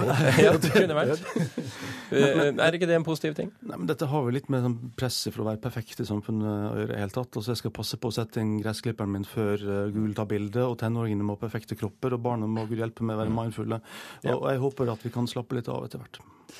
Uansett, vi er nødt til å slippe til resten av P2. Tusen hjertelig takk, Audun Molde, Nina Kristiansen og Vidar Kvalsøy, for at dere var uh, vårt fredagspanel. Hilde Tosterud, Thomas Alvarstein og Birger Kåsrud Aasund takker for følget. Sommer i P2. Jeg heter Trygve Hegnar, og i Sommer i P2 i dag skal jeg snakke om penger, velstand, Norge, og vi skal høre på masse skjønn musikk. Sommer i P2. Kjente stemmer inviterer deg nærmere. I dag klokken ti.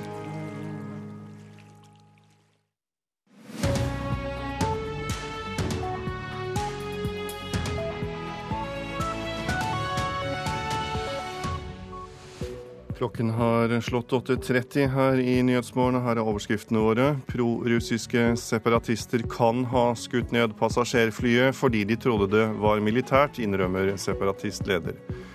Det var uklokt av Israel å starte bakkeinvasjon av Gaza. Det mener utenriksminister Børge Brende. Og de fleste har fått studieplass til høsten, men fortsatt muligheter for den som står uten. I dag samles FNs sikkerhetsråd til krisemøte for å diskutere flystyrten i Ukraina. Ukrainske myndigheter har allerede anklaget prorussiske separatister for å ha skutt ned flyet. Utenriksminister Børge Brende frykter en opptrapping av konflikten dersom påstandene stemmer. Påstandene om en nedskyting er alvorlige. Det er derfor nå vi ber om en full internasjonal granskning Ingen vet helt hva som skjedde da passasjerflyet med nærmere 300 mennesker om bord styrta i et område som er kontrollert av prorussiske separatister øst i Ukraina. USA har allerede slått fast at flyet ble skutt ned.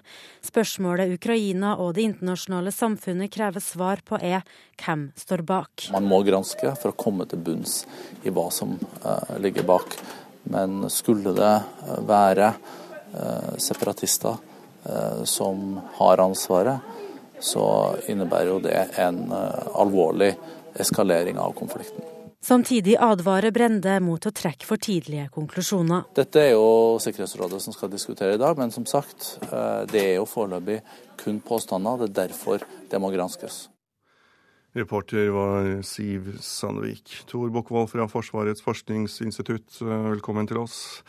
Hvilke konsekvenser kan det få hvis det viser seg at det er russiskvennlige separatister som står bak? Det er som eh, Børge Brende sier, en opptrapping til konflikten. Mest er det jo det at den konflikten så langt har hatt eh, konsekvenser i hovedsakelig i det lokale området, der, foregår, der konflikten foregår. Men nå har den, hvis det viser seg at det er separatistene som har skutt så har den fått mye større konsekvenser, og internasjonalt. Og det vil nok legge et press på, eh, på mange parter på å ta kanskje den konflikten som skjer der enda mer alvorlig enn det man har gjort før. Ja, for som vår uh, Moskva-korrespondent uh, fortalte tidligere i morges, så er det en uh, separatistleder da som har innrømmet å ha skutt ned dette fordi de rett og slett trodde det var et militærfly. Det er dog ikke bekreftet fra annet hold foreløpig, så vi må bare ta med oss det i edruelighetens tegn. Men ukrainske myndigheter og russiskvennlige opprørere skylder da hele tiden på hverandre. Hvordan kan vi tolke dette? Ja, Det er naturlig. Altså, det er den som til slutt får skylda for det her, det er jo et veldig eh, tap i anseelse Når du har gjort noe sånt som det her. Så det er klart at alle vil komme seg unna skylda. Eh, hvis det viser seg at eh, han opprøreren som har innrømt det her, hvis det viser seg at han er rett, så er det da spørsmålet hvem han har fått disse våpnene ifra eh, viser at det er våpen som kommer fra Russland, så vil det trekke Russland enda mye mer direkte inn i konflikten enn at få tviler på at Russland er en part i konflikten. Men likevel så vil man på en måte ha et eh, ja, noe som trekker Russland mye klarere inn, og det vil eh, gjøre at Russland har et eh, enda mye større ansvar, og Russland vil framstå som eh, veldig uansvarlig. Nå vet vi ikke om det er tilfellet. Ukraina har òg den type våpen, som en kunne prinsipielt tenke seg at eh, separatistene har fått tak i våpnene fra ukrainske lager, sjøl om da det ukrainske militæret benekter det dersom det skulle være separatister med uh, russiske våpner. Gir det en slags uh, legitimitet til uh, Ukraina for å gå hardere inn i denne sørøstlige regionen? Ja, ikke, jo, det gjør det i den forstand at det blir enda mer et press på å få konflikten løst så fort som mulig. For den har da åpenbart, kan, kan i hvert fall ha da, store konsekvenser òg utover det lokale. Samtidig så forandrer det ikke vesentlig på bakken. Jeg tror nok I den grad noe vil bli forandra, så måtte det være at presset, det internasjonale presset på Russland blir enda sterkere for å bidra til å løse konflikten. Ja, for slik det har vært nå, så har det uh, i vesentlighetsgrad vært Vesten som har vært opptatt av uh, konflikten i, uh, i Ukraina. denne styrten, kan det føre til at også hva skal jeg si, resten eller deler av andre deler av verden blir mer involvert eller ja, opptatt? Det er et veldig interessant spørsmål. Det, det blir veldig spennende å se de dagene som kommer, og det skal man ikke utelukke. De asiatiske landene, både Kina og India, f.eks. stormaktene i Asia, har jo holdt seg De har ikke støtta Russland i det som skjer i Ukraina, men de har holdt seg veldig på sidelinja. Så vi kan ikke utelukke at òg andre land kan begynne å få et mer eh, si, engasjert forhold til den konflikten etter dette. Tor Bokvold, takk skal du ha. Terrorfrykten gjør at eh, luftrommet over Ukraina nå er stengt. Mange selskaper flyr over området der ulykken skjedde, på sin reise fra Europa til Asia. Nå må både norske og utenlandske fly finne alternative ruter. Eh, I går kveld så stengte ukrainske myndigheter alt eh, ukrainsk luftrom, så der tilbys det ikke luftromstjenester. Det forteller Tor Iversen, kommunikasjonsdirektør i Luftfartstilsynet. SAS flyr ikke over Ukraina, men Norwegian gjør det. Nå må de endre rutene, for terrorfrykten gjør at Ukraina nekter alle fly tilgang til luftrommet. Og de vil ikke godkjenne flyplaner som, som går over Ukraina. Reporter Siv Sandvik. Nå til krisen i Midtøsten. Det har vært skutt fra krigsskip på havet og fra helikopter og jagerfly over Gaza i hele natt. I løpet av natten er elleve palestinere og en israelsk soldat drept på Gazastripen.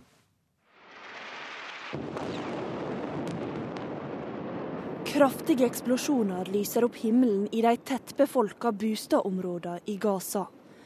I løpet av natta har 65 000 israelske soldater gått inn på Gazastripa etter at statsminister Benjamin Netanyahu ga ordre om en bakkeinvasjon i går kveld. De mange såra palestinerne blir frakta til sykehus, men der mangler både utstyr og medisiner. En ung gutt ligger på ei båre med blod i ansiktet. Legene tror han har indre blødninger.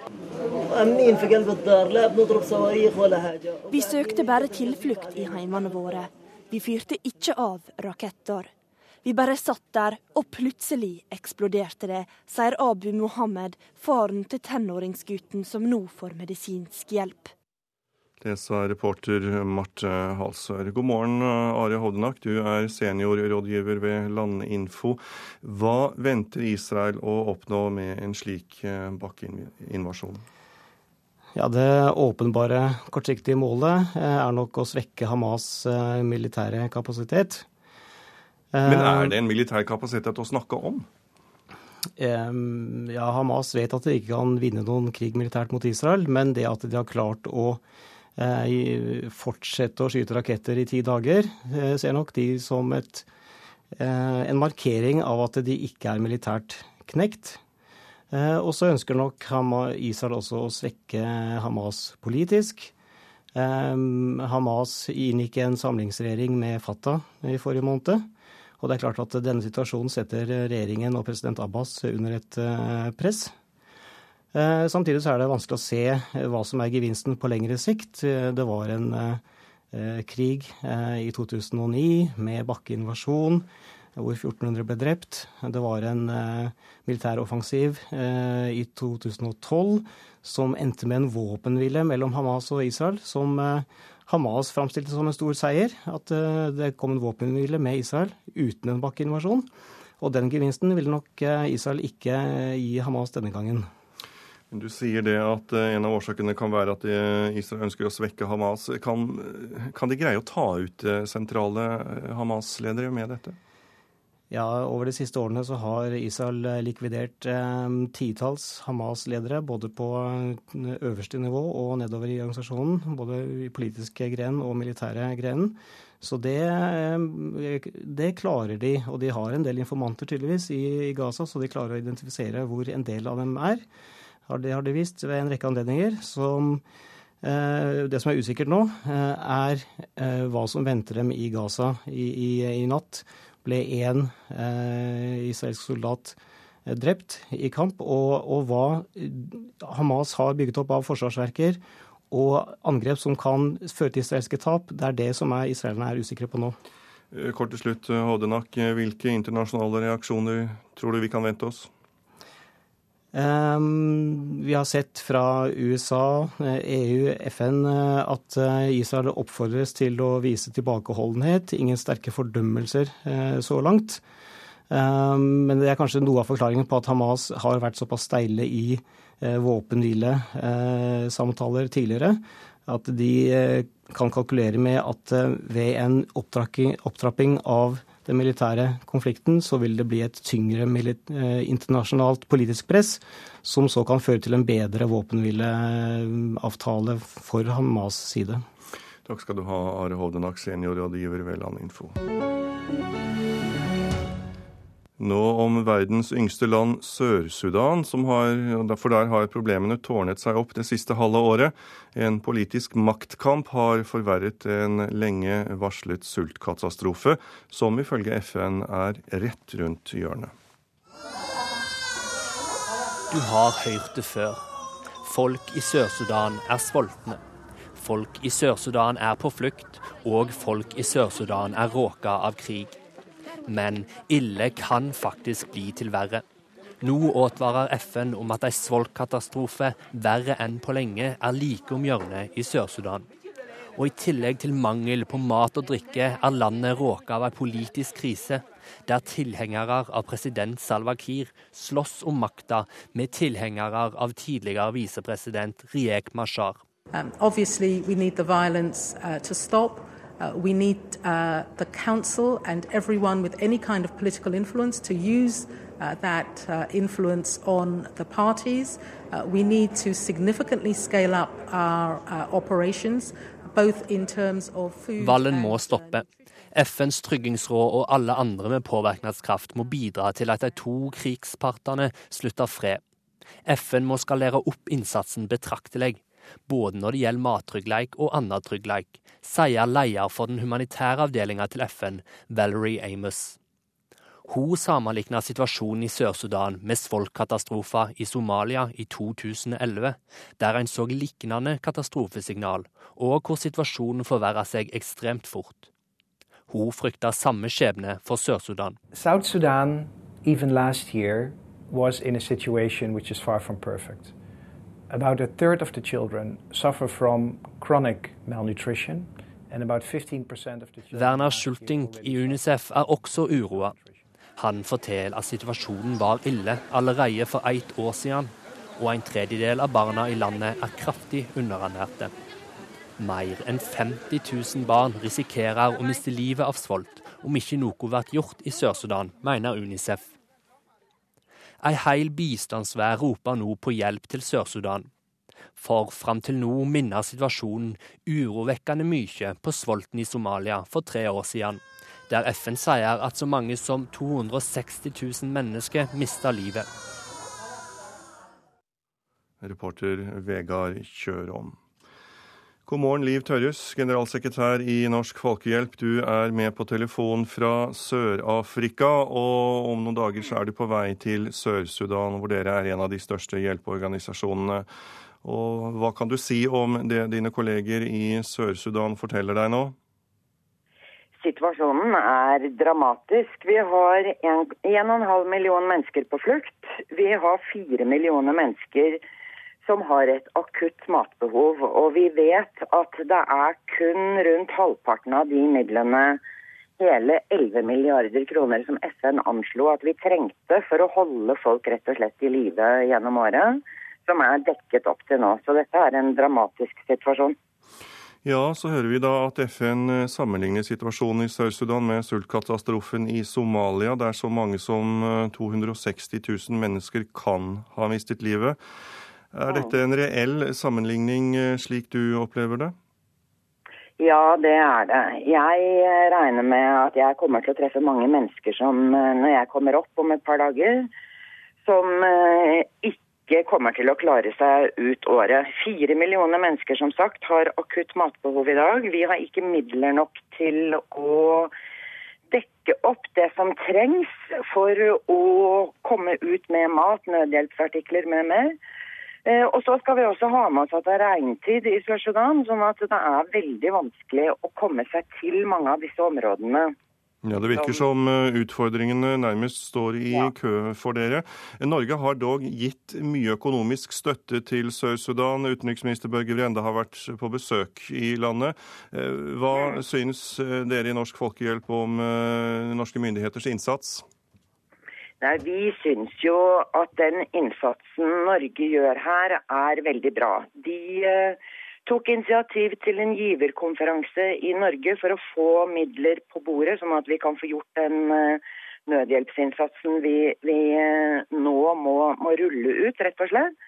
De har satt av veldig mye penger. Alt dette er veldig bra. De mobiliserer også politisk trykk overfor partene. For det er viktig å legge inn eh, her at ja, vi står overfor en, en eh, stor sultekatastrofe.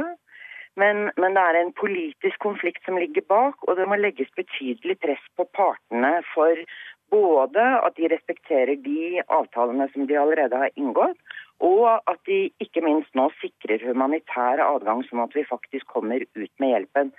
Der Takk skal du ha, Norge... Liv Tørres. Jeg må dessverre avbryte deg. Jeg får ønske lykke til. Takk, eh, Tørres. Liv Tørres, eh, generalsekretær i Norsk Folkehjelp.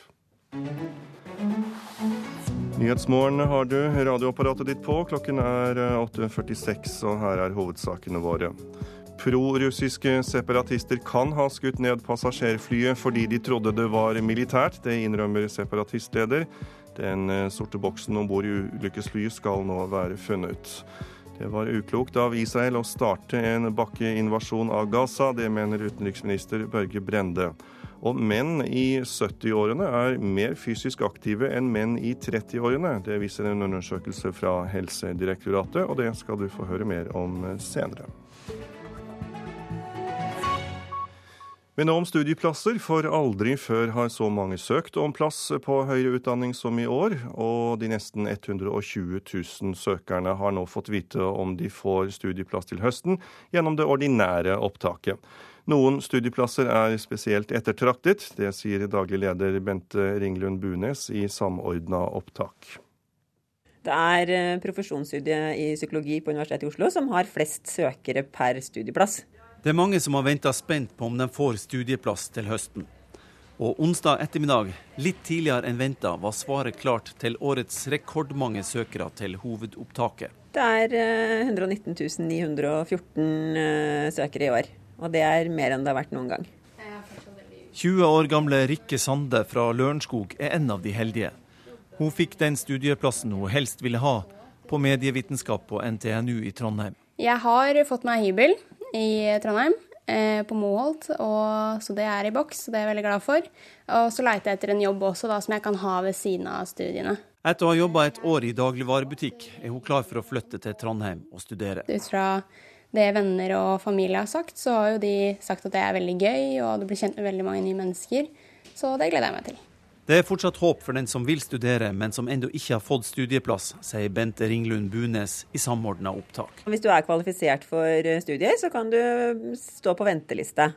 Hvis ikke, så legger vi også ut eh, ledige studieplasser. Eh, da legger vi ut en liste på lørdag.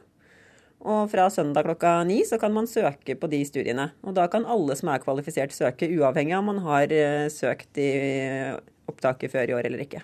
Reporter, det var Kjartan eh, Røslett. God morgen og velkommen, eh, Trym Fjørtoft. Du, du, jobber i eh, Unginfo, et informasjonssenter for ungdom i Oslo. Nå hører vi at for, for, dem som ikke har fått studieplass, så er det altså da mulighet til å velge en ledig plass mm. nå i helgen. Fortell oss, hvordan bør de tenke, de som setter seg ned og skal prøve å velge et studietilbud på denne måten? Ja, altså, nå er det jo jeg vil tenke at uh, du setter ned på lørdag, uh, koker en kopp te og liksom slapper litt av. Uh, for her skal du faktisk bestemme deg for hva du skal gjøre videre. Kanskje du ikke fikk førstevalget ditt, kanskje du ikke søkte i det hele tatt. Det er mange grunner til at du søker det her opptaket. Og da må du jo på en måte bare forsøke å åpne horisonten litt og se Kanskje jeg ikke fikk det jeg ville aller helst gjøre, men kanskje jeg kan komme dit på en annen måte. Og det er jo sånn for de aller fleste jobber, hvis man skal tenke på det, at det er mange veier til det samme målet. Um, så da syns jeg at uh, man kan på en måte Det er en blanding av å ta en god runde med seg sjøl og tenke hva er min interesse, og hva har jeg egentlig lyst til å, å holde på med fremover. Og også å se faktisk hvilke tilbud som finnes. da. Jo... Så gjelder det vel, ja, som du sier, eh, det gjelder kanskje da å finne en av de mange veiene til dette målet. Mm. Men kan det da f.eks. være tilfelle at det er noen som uh, finner noe som de på en måte ikke visste de var interessert i. Absolutt. Og det, det, tror jeg er mye vanligere enn man kanskje ser for seg. Ja, har du hørt historier om det? Ja, altså jeg, jeg hørte en historie om ei uh, fra Tromsø da, som uh, hadde søkt et eller annet, jeg husker ikke hva det var, men det var noe helt annet enn uh, det hun til slutt endte opp med. Hun fant russisk på Restetorget, som det heter, og søkte på det uten å egentlig ha noe særlig kjennskap til russisk fra før. Uh, og det ble på en måte det hun holdt på med da, en god stund fremover. Men når man nå skal sette seg ned da i helgen, blir det på en måte ikke en, en risiko å, å, å, velge noe bare for å velge? Jeg tror veldig mange er veldig redd for å velge feil, på en måte, eller veldig opptatt av at det valget skal være så innmari riktig. Og jeg vet ikke om det nødvendigvis er den, den beste måten å tenke på. Uh, for det er jo sånn at for mange så vil jo den eneste måten å finne ut om du trives med noe, og hva du egentlig har lyst til å holde på med, er jo å prøve det litt. Og da tror jeg ikke man skal være så redd for å studere et år, og kanskje, kanskje man innser at det var ikke helt 100% riktig, men du får på en måte bruk for det. Du lærer av uh, opplevelsen uansett, tenker jeg. Det får vi håpe folk gjør. De må i hvert fall skjerpe seg. Eh, gå inn på nettet, koke seg en kopp te, som du sier, mm. sette seg ned og utvide sin uh, horisont sånn sett for å finne seg et studiested. Takk skal du ha, Trym Fjørtoft i Ung Info. Inntektene fra nettaviser blir stadig viktigere for Skipsted, samtidig som annonseinntektene fra papiravisene faller.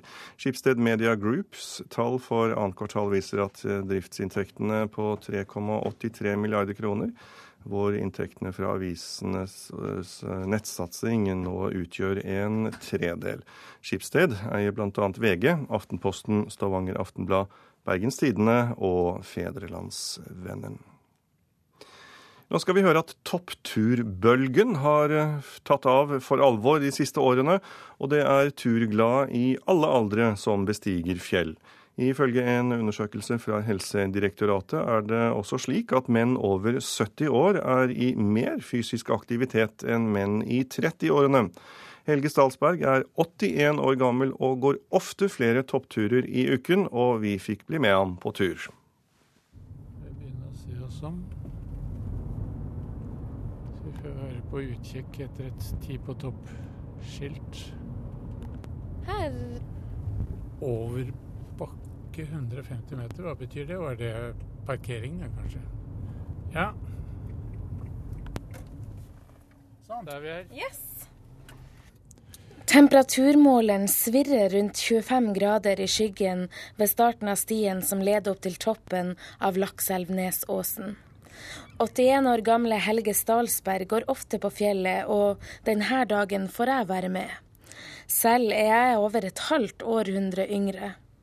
Allerede 26 minutter i den bratte fjellsida er det tydelig hvem som er i best form. Oi, du sprang ifra meg. Nei, det skal jeg ikke gjøre. Du får si fra når, når du vil vi skal ha pause. Du har et stykke igjen. En nyere undersøkelse gjort av Helsedirektoratet viser at menn over 70 år er langt mer fysisk aktive enn menn i 30-årene. Det bekymrer avdelingsleder ved miljø og helse, Jakob Lindhave. Vi er bekymret fordi at det er så mange som sitter stille hver dag. Og vi har ikke den der fysisk aktive, krevende hverdagen som man tidligere hadde. Og så har det jo vist seg at eh, det er mye verre enn det vi tror at det er bare syv av ti som egentlig oppfyller denne anbefalingen om 30 eh, minutter hver dag. Og vi har jo trodd at det ikke var så ille i Norge at vi er et turfolk. Men så viser det seg at eh, det er ikke billig i Norge i det hele tatt. Det er veldig mange som sitter veldig mye stille. Etter den verste stigninga er Helge fortsatt lett i beina. Mine er tung som bly. Derfor blir vi enige om at hvis han skal rekke hjem til middag, så må han ta resten av turen uten meg. Så jeg går videre opp, jeg, så skal jeg hente deg når jeg kommer ned igjen. Må du gå forsiktig? Ja. ja. Men da går jeg. For å ha det bra så lenge. Ei lita stund etter Helge forsvant videre opp i fjellet, kommer en annen turgåer opp langs stien. Svetten til 49 år gamle Hugo Metre renner nedover panna mens han slår etter kleggen. Han går på topptur nesten hver dag når han har ferie. Jeg har jo vært litt fysisk aktiv stort sett hele livet, men det er klart Når man begynner å bli litt eldre, og ungene begynner å bli eldre, så har man jo også bedre tid til å gjøre det. Så har jo også at magen vokste litt. Da. Så ble det jo litt ekstra motivasjon for å holde dem på plass. Hva du tror det kan ha å si å være i fysisk aktivitet? Nei, det er klart du forlenger jo både livet, og du får lettere dager og sover bedre. og Det finnes bare positive ting med det, tror jeg. Hugo fortsetter videre opp mot toppen. Jeg er spent på om han tar igjen den spreke 81-åringen. Et uvisst antall kleggsteg senere, i utsikten over Ulsfjorden og alle fjelltoppene som omringer den, kommer en mann gående imot meg nedover fjellsida. Det var et godt stykke opp, men det var jo en fantastisk utsikt der oppe fra. Helge Stalsberg kom fra Oslo til Tromsø tidlig på 70-tallet, og har siden den gang vært ivrig med å gå i fjellet. I de senere årene har han satt pris på å delta i Ti på topp, hvor det handler om å bestige fjelltopper, og helst så mange som mulig. Disse Ti på topp-turene har kanskje også et, har vel utvilsomt også et eh, element av mestring. Når du liksom har tatt en ny topp, så er det en sånn følelse at et nytt sted til, til landet lagt. Da matpakkepapiret nærmer seg tomt for hjemmebakt brød, kommer også Hugo. Når jeg begynte å gå ned, så var jo han nede med deg omtrent. Så var han bare sånn langt ned igjennom. Helge mener det er tre grunner til at han er i så god form. Det er, ja, kanskje, kanskje 25% livsstil og, så, og 25 gener. Og 50 flaks. Ikke minst det siste. Jeg har vært heldig. Jeg og Hugo gjør så godt vi kan i å holde følge med Helge nedover den bratte skråninga. Da vi treffer på asfalten ved parkeringsplassen, er det en av oss som er ekstra glad.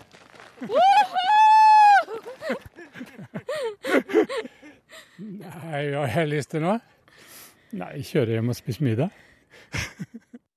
Ja, Den svært glade, men slitne reporteren på topptur, det var eh, Ulla Kristine Rafaelsen. Da er det væroversikten som står for tur. Fjellet i Sør-Norge skiftende bris. Nord for langfjellene lokale regnbyger. Kan hende med torden først i dag. Ellers stort sett opphold og fra utpå dagen mye sol. I kveld lettere vær i hele området. Østafjells sørvest bris på kysten. Utrygt for enkelte regnbyger i indre strøk. Ellers opphold og en del pent vær, med en lokal morgentåke. Vestlandet sør for Stad. Skiftende bris eh, på kysten av Sogn og Fjordane. Nordlig opp i frisk bris. Enkelte regnbyger, etter hvert pent vær. Møre og Romsdal og Trøndelag. Skiftende bris, regnbyger. Utover dagen litt lettere vær, først i ytre strøk. I kveld nordøstbris og etter hvert pent vær. Nordland nordøst opp i frisk bris på kysten. Enkelte regnbyger på Helgeland, mest i indre strøk og lokalt med torden. Ellers opphold og en del sol. Troms får skiftende bris. Fra i ettermiddag nordøst frisk bris på kysten i sør. Utrygt for regnbyger i indre strøk, ellers stort sett opphold. Finnmark, der blir det skiftende bris. Frisk bris utsatte steder. Regnbyger etter hvert også i øst. Lokalt kraftige byger, og det er utrygt for torden på vidda og i øst. Så er det Nordensjøland på Spitsbergen. Der blir det sørvest bris og enkelte regnbyger. Og morgentemperaturene som ble målt klokken sju. Svalbard lufthavn 8 grader. Kirkenes 19. Vardø 12. Alta 13. Tromsø-Langnes 12. Bodø og Brønnøysund hadde begge 13 grader. Trondheim-Værnes og Molde begge 15 grader. Bergen-Flesland 14, Stavanger 15, Kristiansand-Kjevik 14, Gardermoen 13, Røros 12 og Blindern i Oslo hadde 14 grader klokken sju. Ansvarlig for nyhetssendingene i dag, det er Astrid Randen. Produsent for Nyhetsmorgen, Elin Petersen. Teknisk ansvarlig Hilde Tosterud og programleder Tor Albert Frøsland ønsker både god fredag og riktig god helg når du tar hull på den.